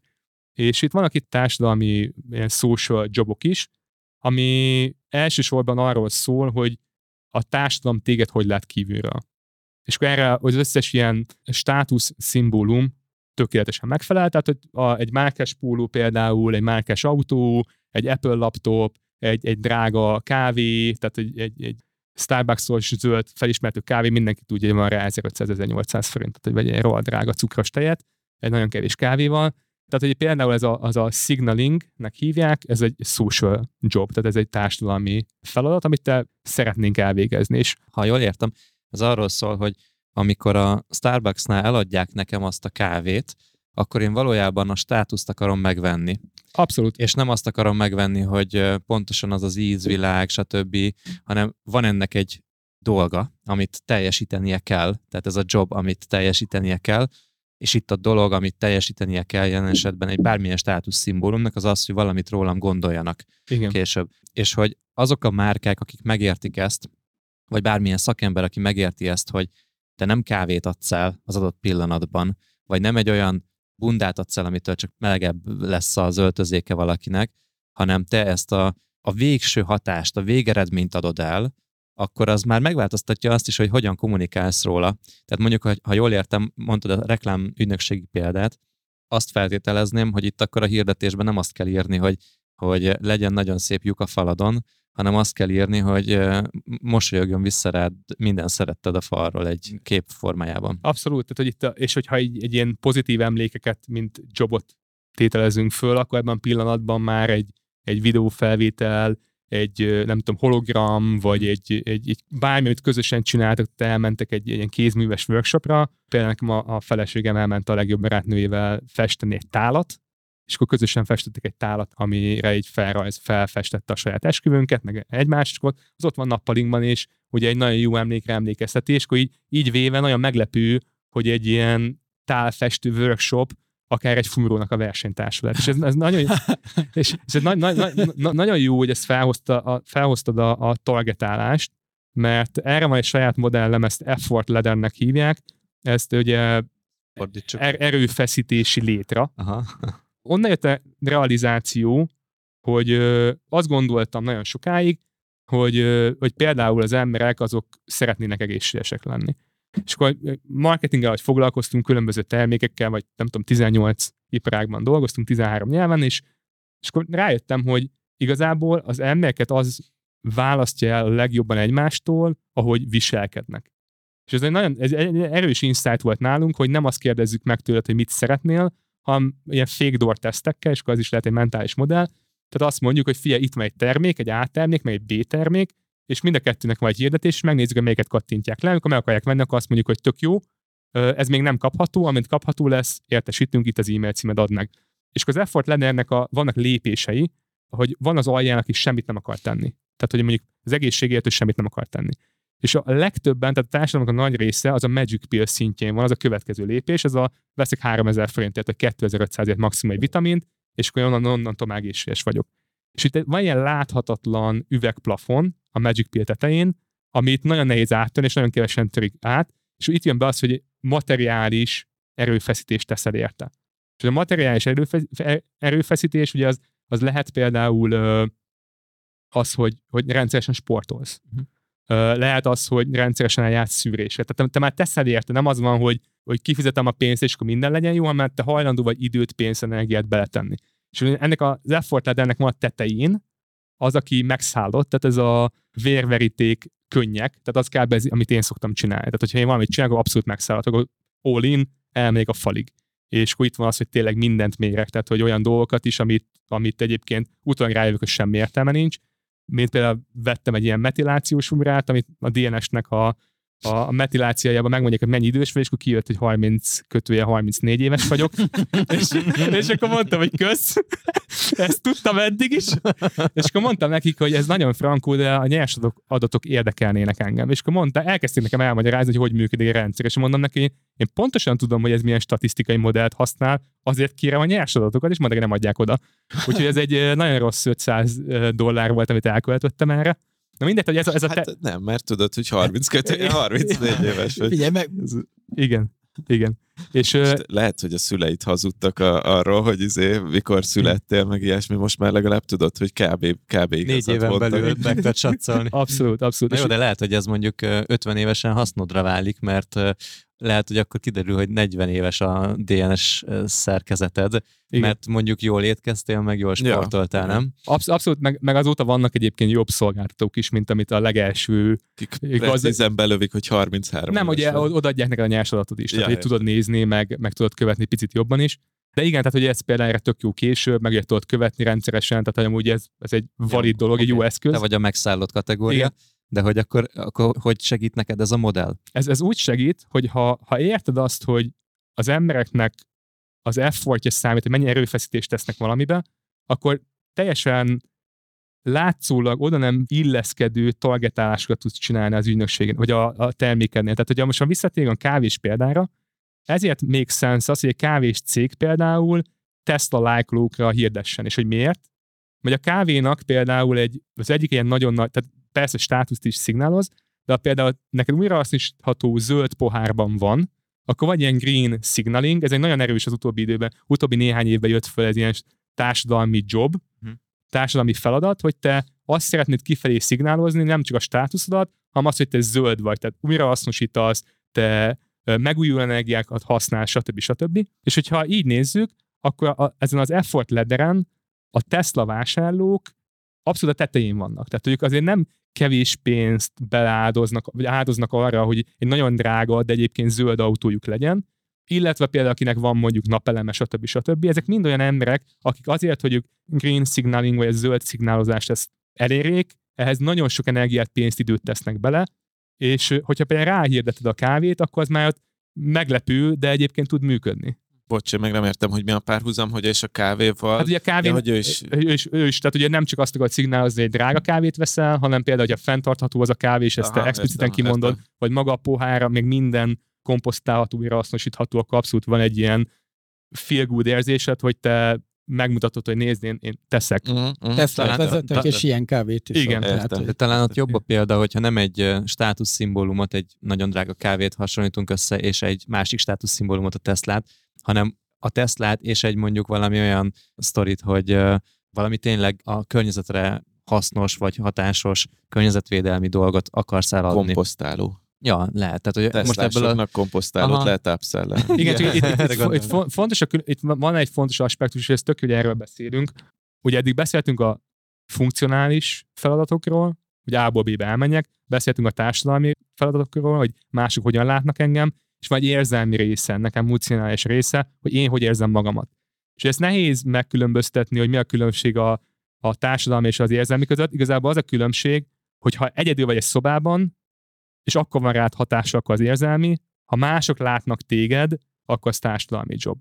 És itt például a kávénak van egy ilyen hatása, hogy ha nem lát téged senki, akkor is egy édes, meleg, folyadékot iszol, ami alapvetően mire emlékeztet, mint az ágyadba, a piepú ágyadba vagy, tehát hogy egy ilyen szeretetteljes anyukád megölel, tehát hogy ez, ez egy abszolút egy ilyen, ha senki nem lát, akkor is egy olyan dolog, amire azért lehet ráfüggeni, mert egy fontos, nem csak funkcionális jobot lát hogy fölkelsz, meg fölébredsz tőle, hanem egy ilyen érzelmi feladatod is ellát, hogy te úgy érzed, hogy szeretve vagy. És uh, amúgy, hogy most beszéltünk erről a három job típusról, vagy feladat típusról, a cult strategy az, hogy bizonyos brandeknek miért lesz ilyen kultusz jellegű követői, tehát erre mondjuk, hogy Apple fanboyok, tehát olyan felhasználók, akik itt csak Apple terméket vesznek, hogy ez, ennek a jelenséget mi okozza, meg mi, mi okozza azt, hogy az otthoni robotporszívót a saját, adsz neki egy nevet, családtagként kezeled, igazából er, Mi er, a coachingnak adtunk régen, családilag mindig. minek? A coachingnak. Igen. És akkor egymástán vettük, és akkor hosszan ilyen családi kupaktanás gyűlt össze, és napokig tartott, hogy, hogy hogyan, hogyan nevezzük el majd a következő autót. Ez már nincsen így, de még a, amikor még gyerek voltam, akkor ez a szüleimnél ez így volt. Ez abszolút, és, és ugye ez, ez a fajta jelenség vezetett oda, hogy, hogy megértsem azt, hogy mitől lesznek, a, mi a kultusz stratégiának az alapja. És az úgy csatlakozik a, a Jobs to be done-hoz, hogy van ez a három modell, vagy van ez a három job, és ez úgy, úgy épül egymásra, mint az emberi agy evolúciósan, hogy a, a legrégebbi része az a, a hüllőagy, az abszolút a túlélés, abszolút, én ezt úgy vizualizálom magamban, mint hogy otthon vagy a szobádban, az ágyadban, tehát te biztonságban akarsz lenni, te jól akarod magad érezni, nem akarod rosszul érezni, nem akarsz veszélyt, stb. stb. Ezért alapvetően mindent az érzelmek befolyásolnak, mert arra épül minden, arra épül az egész emberi agy. És a következő szint az a társadalmi szint, ami vagy alapvetően társas lények vagyunk, és erre épül egyébként a prefrontális cortex, ami a tudatos gondolkodásért felel, tervezésért felel, stb. stb. És ugye az lesz maga a funkcionális rész. És ezt fejben én úgy vizualizálom, hogy egy piramis, ez az egész stratégia, hogy alul van az saját ágyam, hálószobám, fölötte van egy ö, rengeteg létra, és fölötte van egy könyvtár. A létrák, ezt úgy hívja, hogy Forest of Leathers, tehát egy, egy olyan erdő, ahol létrák vannak, mert az emberi természet az olyan, hogy elé teszel egy létrát, akkor elkezd rajta mászni. Munkahelyen is így van, jó, te elkezdesz dolgozni, akkor te följebb akarsz lépni, neked kell egy ilyen életútmodellnek minden cégnél, nagy cégnél léteznie, stb. stb.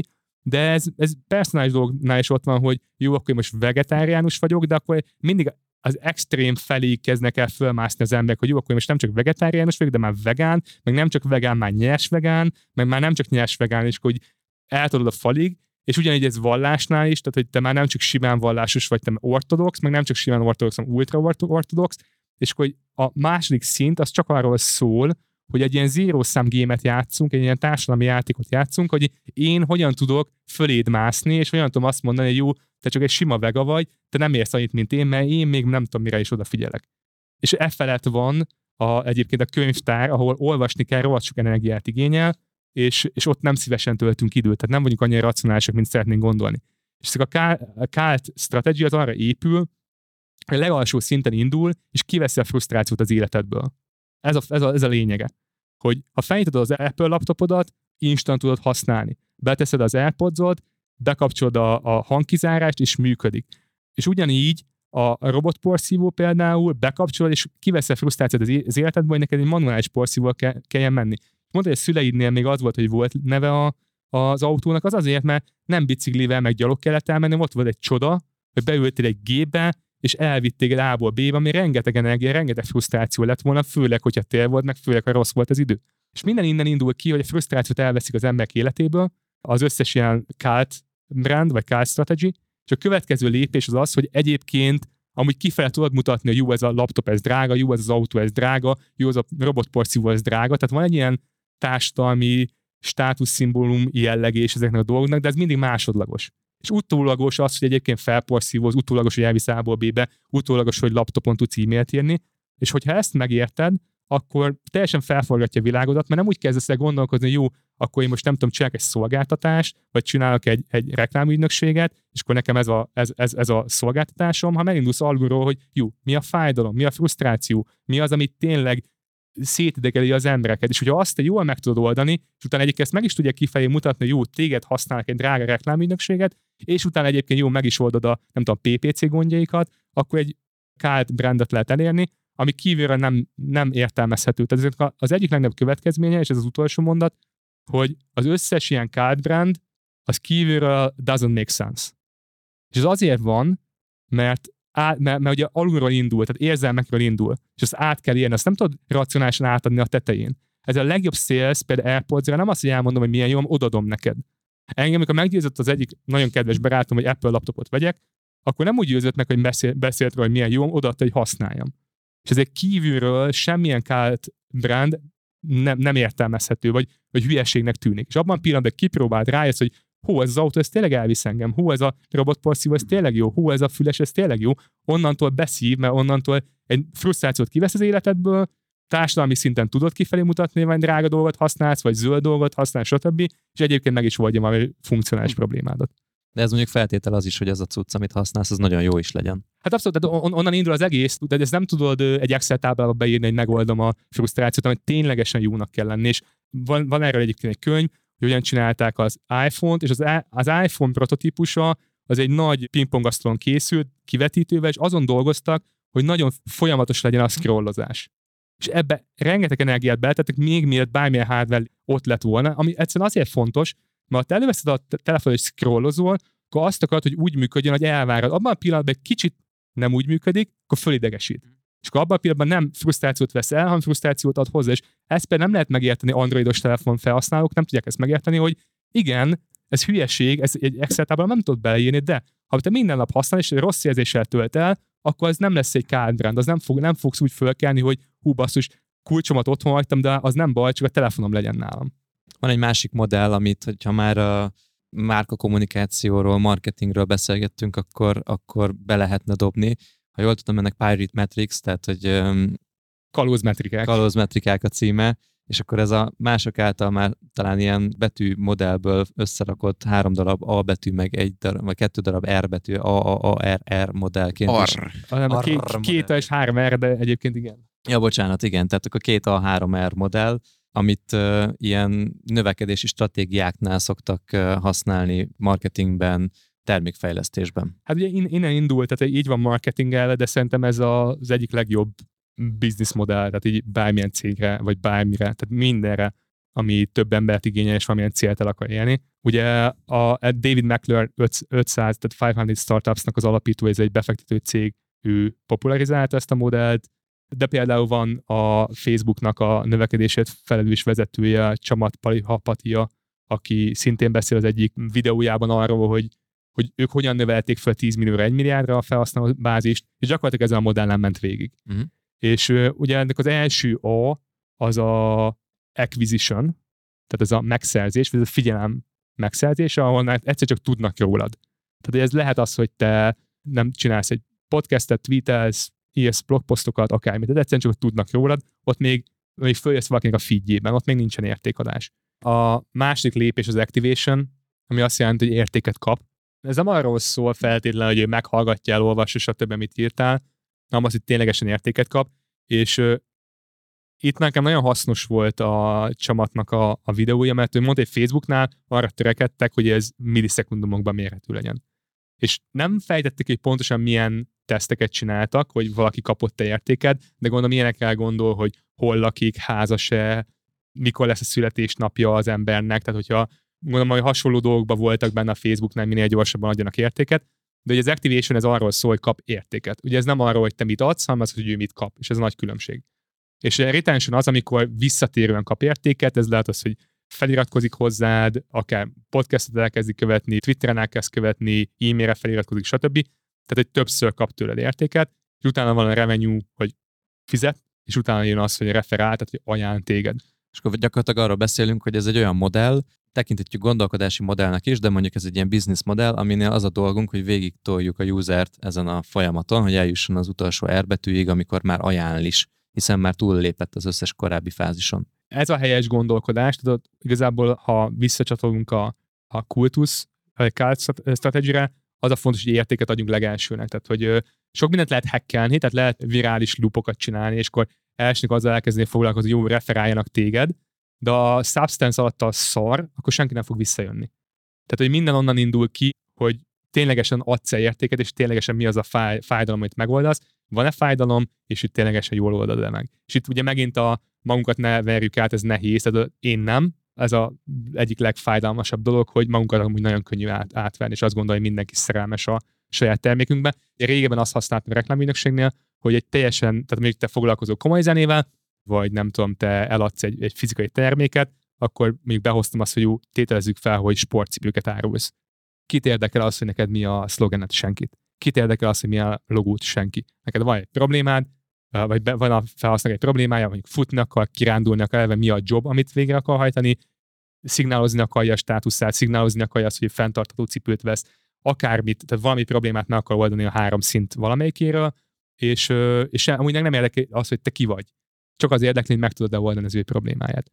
És hogyha ezt egy alapvetésnek vesszük, hogy, hogy, hogy az activation, tehát tudod, tudsz értéket adni, és tudsz retention, tehát tudsz visszatérően értéket adni valakinek, akkor, akkor el lehet rajta gondolkozni, hogy jó, hogyan lesz pénz, meg igen, hogyan lesz ajánlás. És utána egyébként maga az ajánlás az elsőbséget élvez. Tehát, hogyha, de ez ilyen basic business dolog, hogyha ha még az elején elindulsz, akkor fontosabb neked egy jó ügyfél, mint feltétlenül a pénz. És akkor lehet az, hogy figyelj, oké, okay, megcsinálom neked ezt kvázi referenciáért. Mm. De akkor viszont ugye úgy van, hogy de akkor ténylegesen komoly referencia legyen, ne az, hogy megígéred és nem adod oda, hanem akkor nyilván az is legyen leírva, hogy milyen formában és pontosan hogyan legyen a, ref- a referencia létrehozva, de, de az elején, amikor elindulsz, akkor az bizonyítandó, hogy egyébként ténylegesen tudsz fájdalmat megoldani, érdemes a referára ráállni. És későbbiekben egyébként, hogyha már rendben van az értékadás, akkor sem a pénz szokott a probléma lenni, mindig a referál a legegyszerűbb, és általában nem azzal foglalkoznak, hanem hol hirdessünk, legyen tévé, legyen uh, rádió, legyen vajesplakát, PPC, stb. stb. És nem azon gondolkoznak el, amit egyébként az ilyen MLM meg stb. cégek tudnak, hogy ha már van egy sikeres vásárló, sokkal könnyebb rajta keresztül újabb vásárlókat szerezni, hogy ő kit ajánlana, vagy ki ez. Öt ajánlás. Igen, abszolút, abszolút. És ez, ez, ez, egyébként. Igen, nem, erre, erre van egy ilyen negatív felütés ennek az ajánlásos dolognak, de, de abszolút ez a, ez a leginkább alacsony függő gyümölcs, amit le lehet szedni. Ah, tehát ez alapján azt mondod, hogy könnyebb ebben a fázisban ajánláskéréssel új ügyfelet szerezni, mint azt az új ügyfelet újból végigtolni ezen az öt vagy hat lépcsőn. Sokan drága, persze. Meg ugye ott van egy hitelességet, hogy, hogy valakin keresztül mész, ott már nem hidegben, nem egy hideg megközelítést használsz, hanem mm. ott mhm. már valaki van, van egy bizalom, egy emberi kapcsolat, amit kihasználsz. Mint hogy a barátod ajánlotta, odaadta a laptopot, hogy próbáld ki. Igen, igen, igen, igen abszolút. Igen. Ennek a legzseniálisabb formátuma, amit láttam, hogy megvettem egy online kurzust, meghallgattam, tök jó volt, sokat tanultam belőle, és egy héttel később kaptam egy e-mailt a kurzusnak a szerzőjétől, hogy keresd vissza a kurzus árát. Ez volt az e-mailnek a tárgya, és akkor rákattintottam, és nyilván arról volt szó, hogy mit tudom én, ha kiteszem a Twitteremre, akkor kapok 20%-ot a ilyen referál fit, vagy affiliate fit a, az eladásokból, de maga ez, hogy, izé, hogy, hogy úgy reklámozta, hogy keresd vissza a kurzus árát, nyilván én is érdekelt leszek valamennyire abban, hogy ajánljam, ő is kap ajánlást, és ezzel egy, tehát ő csak erre építi most már a kurzusának a marketingét. Jó, mondjuk az Uber is kb. ezt csinálta még, még a kezdetén, de hogy itt tényleg ez a virális loop, amit mondtál, ez beindult nála, és akkor most már neki nem kell Facebookon hirdetnie meg. Nem tetszik. Hogy lehet egyébként szerinted, ha már itt ebbe belementünk, ezt a ajánláskérést mondjuk egy digitális terméknél előrehajtani még más, más példákkal, mint amit a Tomi mondott? Én nagyon szeretem a, a használni egy ilyen FOMO véleménykérésnek hívom, vagy ilyen FOMO testimoniálnak.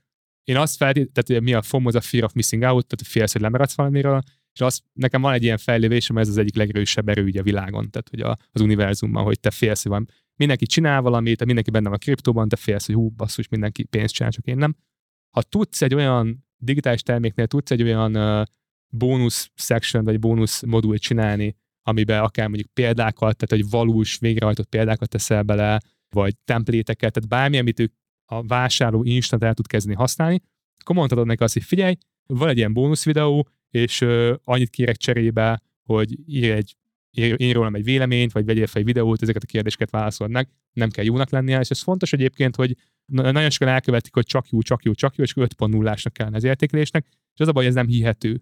Ez is egy mentális modell, ez akkor nagy titok, hogy nem is akartam ebben jobban belemenni, de ez egy ilyen fordított testimoniálnak hívják, reverse testimoniálnak hívják, ami úgy kezdődik, hogy mi az, az az első kérdés, hogy meg kell válaszolni a, felsz, vagy a vásárlók, hogy mi volt a legnagyobb fenntartásod, miért vásároltál. Tehát negatívan indul. Tehát onnan indul, hogy mi a legnagyobb fenntartás. És utána, hogy ehhez képest mi az, amit, uh, amit kaptál, uh, mi az a számszerű eredmény, ajánlanál másnak, és mit mondanál konkrétan. És ez azért működik zseniálisan, mert ha kicsit kilépünk ebből, hogy van egy saját gyerekem, és az a gyerekem az kurva szép, és elfogadjuk azt a tényt, hogy lehet, hogy nem annyira szép az a gyerek, akkor rájövünk, hogy másoknak is ez a fejébe benne, hogy ott egy gyerek, és nem biztos, hogy szép. És hogyha ezeket elmondják, hogy jó, nekem az a fenntartásom, lehet, hogy túl drága, vagy túl elméleti, nem lesz elég gyakorlati, de ha valós kifogásukat kifogásra indul egy testimoniál, sokkal hihetőbb, mert hiszen nekem bennem is benne van laikusként, és hogyha utána benne van, jó, egyébként mi volt az eredmény, egyébként ajánlanám, meg aki miért ajánlanám, akkor ez egy kerek történet. És még a végén az lenne, hogy jó, nem feltétlenül ajánlja, és még ezeknek nem ajánlja, az se baj. Tehát, hogy a, volt olyan online szolgáltatás például a, online véleményeknél, a pozitívum és negatívumnál a negatívummal kezd, a, tehát akkor felhasználók nézik a véleményeket, mindig negatívummal kezd, mert sokkal hihetőbb. És ugye ezt mondja például Warren Buffett is, hogy az ő a befektetőinek írt összefo- éves összefoglaló levelét mindig a negatívumokkal kezdi, hiszen az azt mondja, hogy figyelj, itt van a mi szar, vagy itt van mi negatív, nincs semmi rejtegetni valóm, ez van, tehát most ezzel nem tudok változtatni, menekülhetek előle, de akkor is kilátást meg tudják az emberek, hogy ott van. Ezt vállalom, és egyébként ezek, amiket csináltunk, ezek az eredmények. Oké, okay, köszi szépen. Ezt fogom tetszik, használni. Tetszik. Most már nem tudom, talán ez a második vagy harmadik adás, ahol az ajánláskérés valamiért felmerül, és szépen lassan eljutok oda, hogy merjek kérni ilyet. Ez a vonzás törvény. Igen, igen, ez a gyanú. Gyanús, hogy, hogy dolgom van ezzel. Van nekem viszont egy kedvesnek tűnő mentális modellem, ez az úgynevezett inversion, vagy megfordítás, talán így, így lehetne bemutatni én amikor így most kutattam a mentális modellek után, és hát azért van belőle jó pár, nem könnyű ezeket feldolgozni, ezt tetszett meg a legjobban talán, nem is tudom, hogy miért. Azt hiszem, hogy hitelesebb lenne, ha te mesélnél róla, vagy ha egy kicsit be tudod nekünk ezt mutatni. Szerintem, hogy Charlie Mangéstan ezzel indít, vagy hát ez biztosan egy nagy, nagy modelljük, hogy azt mondják, hogy ők csak azt szeretnék tudni, hogy hol fognak meghalni, és akkor nem mennek oda. Tehát ugye ez az inversion, ez arról szól alapvetően, hogy nézd meg, hogy tehát sokkal fontosabb az, hogy ne legyél hülye, mint hogy okos legyél. Tehát, hogy sokkal fontosabb, hogy túlélj, és ne haj meg, mint az, hogy te, te tényleg barom ügyes legyél valamiben. És ez igaz a pénzügyi világra, tehát, hogy ne veszítsd el mindent, ez mindennél fontosabb, az az alap. És, és innen indul, hogy ha te valamit el akarsz érni, akkor nézd meg annak az ellenkezőjét, tehát invertálás innen jön, az a megfordítás, hogy mi az, amit el akarsz kerülni. Ugye adásunk kívül beszélgettünk, hogy mondtad, hogy például innovációnál, ugye azt, hogy innovatív legyen a cég, akkor hogyan tudod azt teszed fel azt a kérdés, hogy hogyan tudod biztosítani, hogy ne legyen semmi innováció, ezt végig gondolod, és, és akkor ezt hogyan tudod ezt a, ezt a szituációt elkerülni. Igen, tehát hogyha ezt a példát nézzük, hogy az alapcél az az, hogy szeretnék egy innovációra hajlamos, önmagától innováló céget építeni, de nem tudom, hogy ezt hogy kell csinálni, akkor megnézhetem azt is, hogy hogyan csináljak egy olyan céget, ami egészen biztosan nem fog innoválni. És megnézem ezeket az elemeket. Például bármilyen visszajelzést ad a csapat, azt azonnal toroljam meg, vagy, vagy, vagy, vagy folytsam el önmagában, Igen. hogy ne kérjek véleményeket például. És akkor ezeket így el lehetne még sorolni. Na és akkor fogod ezt a listát, hogy milyen dolgokat tudnál tenni azért, hogy elkerüld, vagy hogy, hogy, hogy ne érd el a célodat, és ezt kerülöd el. Igen. Valójában. Igen. És azt nyilván az elkerülésnek van már így egy checklist végül is, hogy akkor ezt pozitívba fordítva, jó, akkor támogassuk a visszajelzést adását, vagy támogassuk azt, hogy valaki egy, nem tudom, egy ötletládába dobáljon be ötleteket, és akkor most a leg egyszerűbb példákat hoztam. Igen, tehát ugye meg gyakorlatilag ugyanez, hogy hogyan, hogyan legyél okos, és akkor ugyanezt megfordítva, hogyan legyél hülye, például úgy, hogy nem tanulsz semmiből. Uh-huh. Tehát ez egy tök jó módja, és akkor itt bejön a postmortem, hogyha valamit elrontunk, akkor nem gondoljuk végig, hogy mi romlott el, és hogy hol, és az, hogy jövőben hogy, hogy tudjuk kiküszöbölni. Igen. És ugye ennek van egy, egy előremutató része is, a premortem, ami ugye abszolút az inversionből jön, hogy még mielőtt elkezdenénk egy projekttel foglalkozni, azt mondjuk, hogy jó, tételezzük föl, hogy eltelt mondjuk két év, a jövőben vagyunk, és hogy teljesen a földbe állt a történet. És hogy miért történt ez. És akkor nyilván ez ilyen brainstorming, tehát nem az a lényeg, hogy valószínűleg kell lenni, nem az a lényeg, hogy minden, mindennel egyet érts, hanem összegyűjtsetek egy nagy csokrot, és talán van egy következő lépés, hogy jó, akkor ezeket megszűritek, hogy mi az, ami tényleg valószínű, mit lehet ellenük tenni, és hogy ténylegesen át lehet action step alakítani, jó, ezeket, hogy elkerüljük, rájöjjünk, hogy például nem tudom, kifutunk a pénzből, és kifutottunk a pénzből, és ez volt a baj, hogy akkor jó, legyen egy előrevetítés folyamatosan, hogy menjen runway, hány hónap, és az nem lett kevesebb, mint egy év, ha egy év, akkor leülünk és átbeszéljük a hmm. dolgokat. Tehát, hogy igen, tehát ez abszolút át lehet ültetni gyakorlati lépésekkel ezt az inversion. Illetve van nekem, meg ez, ugye ez, a, ez, a, ez a kiinduló alap, de itt van egy fontos, ez utóbbi időben tanultam, lehet negatív, tehát ilyen invertált gólokat is alkotni, de azt mondod, hogy te elérted a célodat, de tételezzük fel, hogy nagyon rosszul érzed magad. Tehát neked amíg azt mondod, hogy, hogy szeretnél, nem tudom, egy milliárdos vállalkozást, ez a célod, és akkor egyrészt megvizsgálod azt, hogy hogyan csinálj egy olyan céget, ami mondjuk földbe áll, és azt hogyan kerülöd el, mondjuk azon túl vagy, és akkor a másik kérdés az az, hogy jó, elértem, de nagyon boldogtalan vagyok. És ennek mi az oka? Ez miért történik. És akkor nem tudom, hogy állandóan munkámmal kell foglalkozni, nem tudok delegálni, mindent nekem kell megcsinálni, stb. mikromenedzselni kell ez mindent. feltételezés, ugye? Tehát, hogy kitetszed magadnak azt, hogy, hogy még nem tartok ott, hogy nagyon boldogtalan Igen. vagyok, de hogyha eljátszom a gondolattal, hogy Igen. nagyon boldogtalan lennék, akkor az vajon miért lehet? Igen, igen, ez miért történt, és akkor így el, el tudod kerülni, ugye az első lépés az a premortem el tudod kerülni, hogy egyáltalán földbáj, Hm. tehát az, hogy ne juss el a célodig, és miután eljutott el a célodig, utána ez a második kérdés abban segít, előzetesen, hogy ne olyan célt hajkurálsz, ami egyébként nem fog boldoggá tenni. Ja, de ez bármire eljátszható szerintem egy új munkahelynél például, hogy tudatosan eljátszani azt, hogy kettő évvel később ott ülsz a HRS-nél, vagy nem tudom, a cégvezetőnél, és felmondasz síreva, mert hogy annyira szarul érzed magad, és hogy akkor végig lehet így játszani ezt a kettő évet, hogy minek kellett történnie ahhoz, hogy két év alatt az ember totál kiégjen például. Nekem van, van erre konkrét ö, olyan ismerősöm, barátom, aki egy nagyon tehetséges, nagyon jó pozícióban volt, olyannyira, hogy neki volt ö, részesedése is, tehát ilyen key employee volt a cégén belül, egy introvertált srác, és ő, ő annyira kiégett, hogy felállt és mondta, hogy adios, és őt azt se érdekli, hogy a, a részesedése nem lesz kifizetve, mert embereket kellett menedzselni, és erre nem volt alkalmas. És ő nem szerette csinálni, és neki ez egy folyamatos rágódás volt, és ő mondta, hogy neki ez az egész nem ér annyit, hogy, hogy még, egy nagyobb, még egy napot ezzel foglalkozzon. Szerintem kanyarodunk lassan az adás végéhez, viszont még van egy területe ennek, amit az adás elején csak épp hogy felhoztunk, ezek a, azok a fajta mentális modellek, amik viszont nem tudatosan választjuk őket, és nem is akarnánk igazából, hogy ott legyenek, vagy ha ott is vannak, akkor tévútra tudnak vinni minket. Azért is hoznám ezt most így az adás végére, hogy kicsit szembenézhetünk azzal, hogy vannak-e ilyen mentális modelljeink, és szembe lehet kerülni azzal, akár meg lehet nézni, jó kis listák vannak erről a témáról, hogy milyen ilyen típusú antimodellek vannak, amik valószínűleg ott vannak mindjárt fejében, és ott mocorognak ezek. Mondj, mondj egy-két példát, vagy mondj egy példát, ilyen kérlek. cognitive bias fallacy, tehát ilyen go- gondolkodási hibáknak hívják ezeket.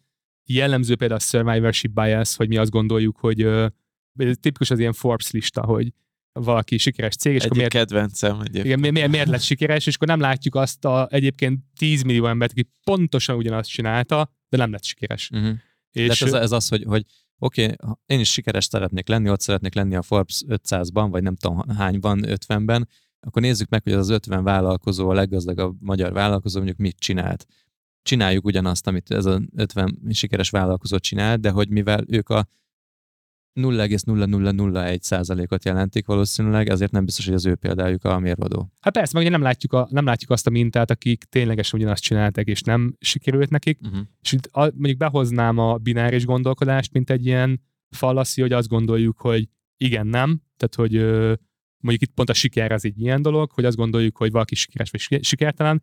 Sokkal jobb ezt még egy skálán nézni, hogy ha te teszel, akkor nem az a cél, hogy garantálva legyen a siker, hanem az, hogy a sikernek az esélyét növeld. Tehát ez egy skála, ahol minél többet teszel érte, minél tudatosabb vagy, minél többet tudatosan iterálsz, annál valószínűbb egyébként, hogy a végén sikeres leszel, és még az sem garancia, tehát nem egy, nem az lesz, hogy abszolút egy, a, vagy száz százalék a sikernek a, a, lehetősége, de, de ha nem binárisan nézed ezt, hogy siker sikertelen, nem úgy, hogy egy valószínűség, akkor, szíve, akkor sokkal könnyebben teszed be az energiát, és sokkal könnyebben fogadod el, ha esetleg ez mégsem úgy sül el a végén, hogy, hogy siker lesz a vége, azt mondod, jó, oké, megpróbáltam, tanultam vele, a következőnek jobb leszek, tehát a következő projektnél már a sikernek a valószínűsége az nagyobb lesz. Rengeteg helyen előfordul, a, például az egészséges beteggel is így, így gondolkozunk, hogy egészséges beteg, valóban egy százalék, tehát 20 százalék alatt vagy arra azt mondják, hogy beteg vagy, a fölött az, hogy egészséges, de ugye egészen más az, hogy te milliókat keresel, érted? Meg más az, hogyha mondjuk túlélsz, meg más, ha hajléktalan vagy.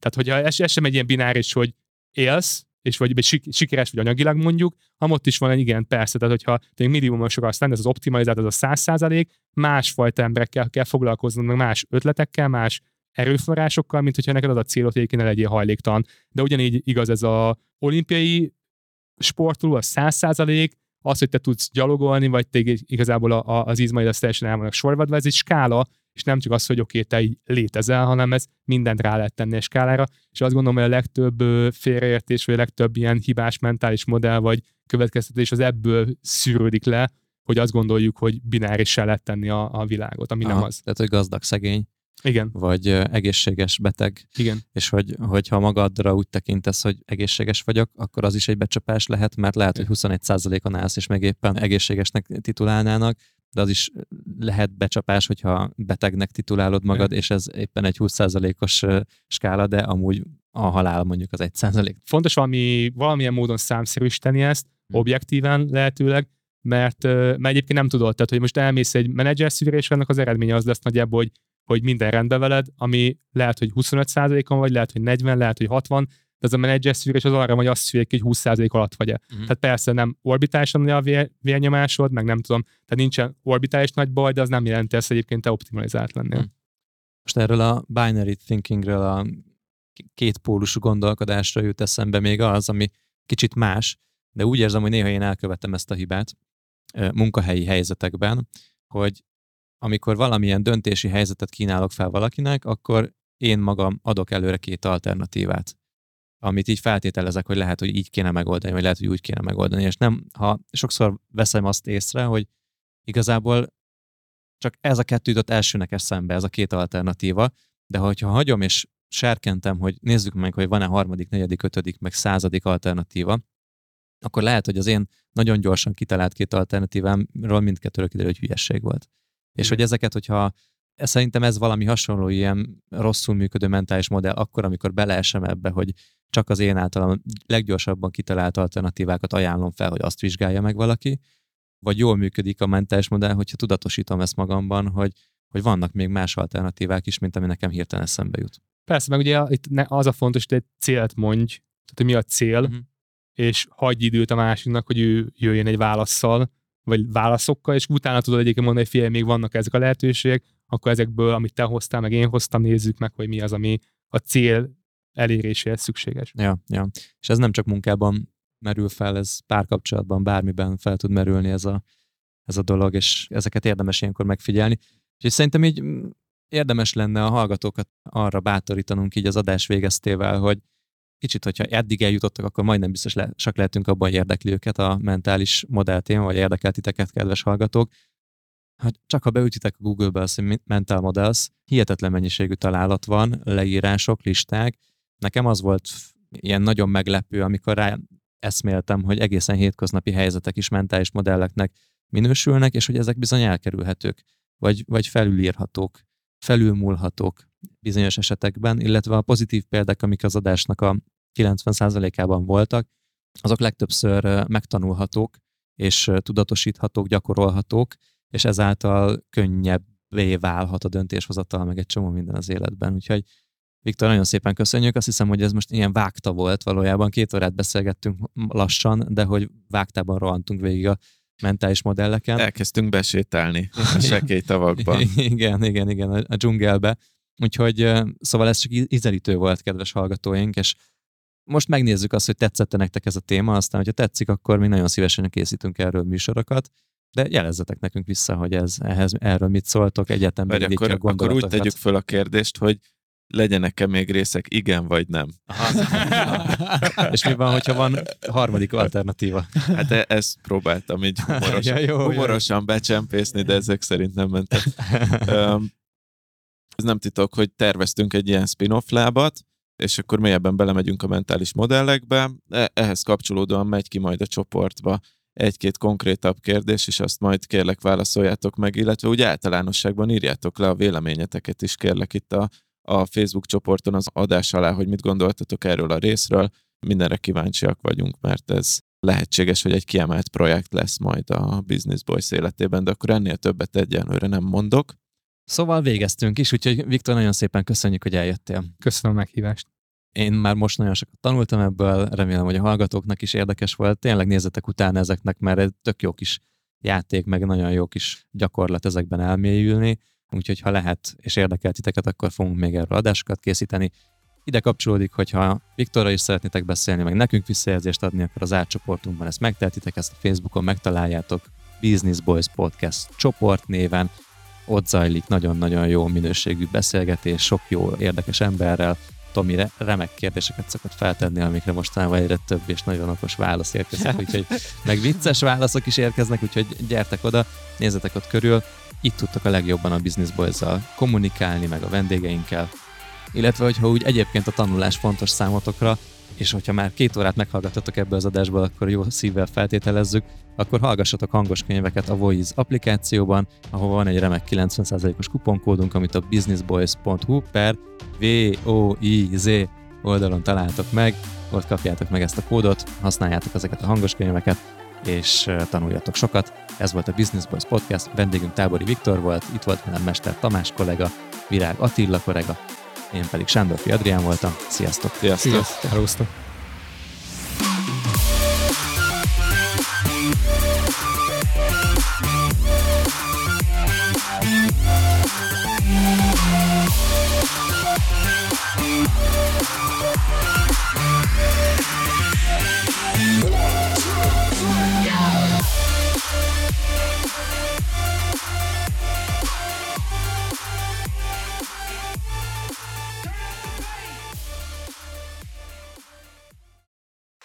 Рок-Астарс.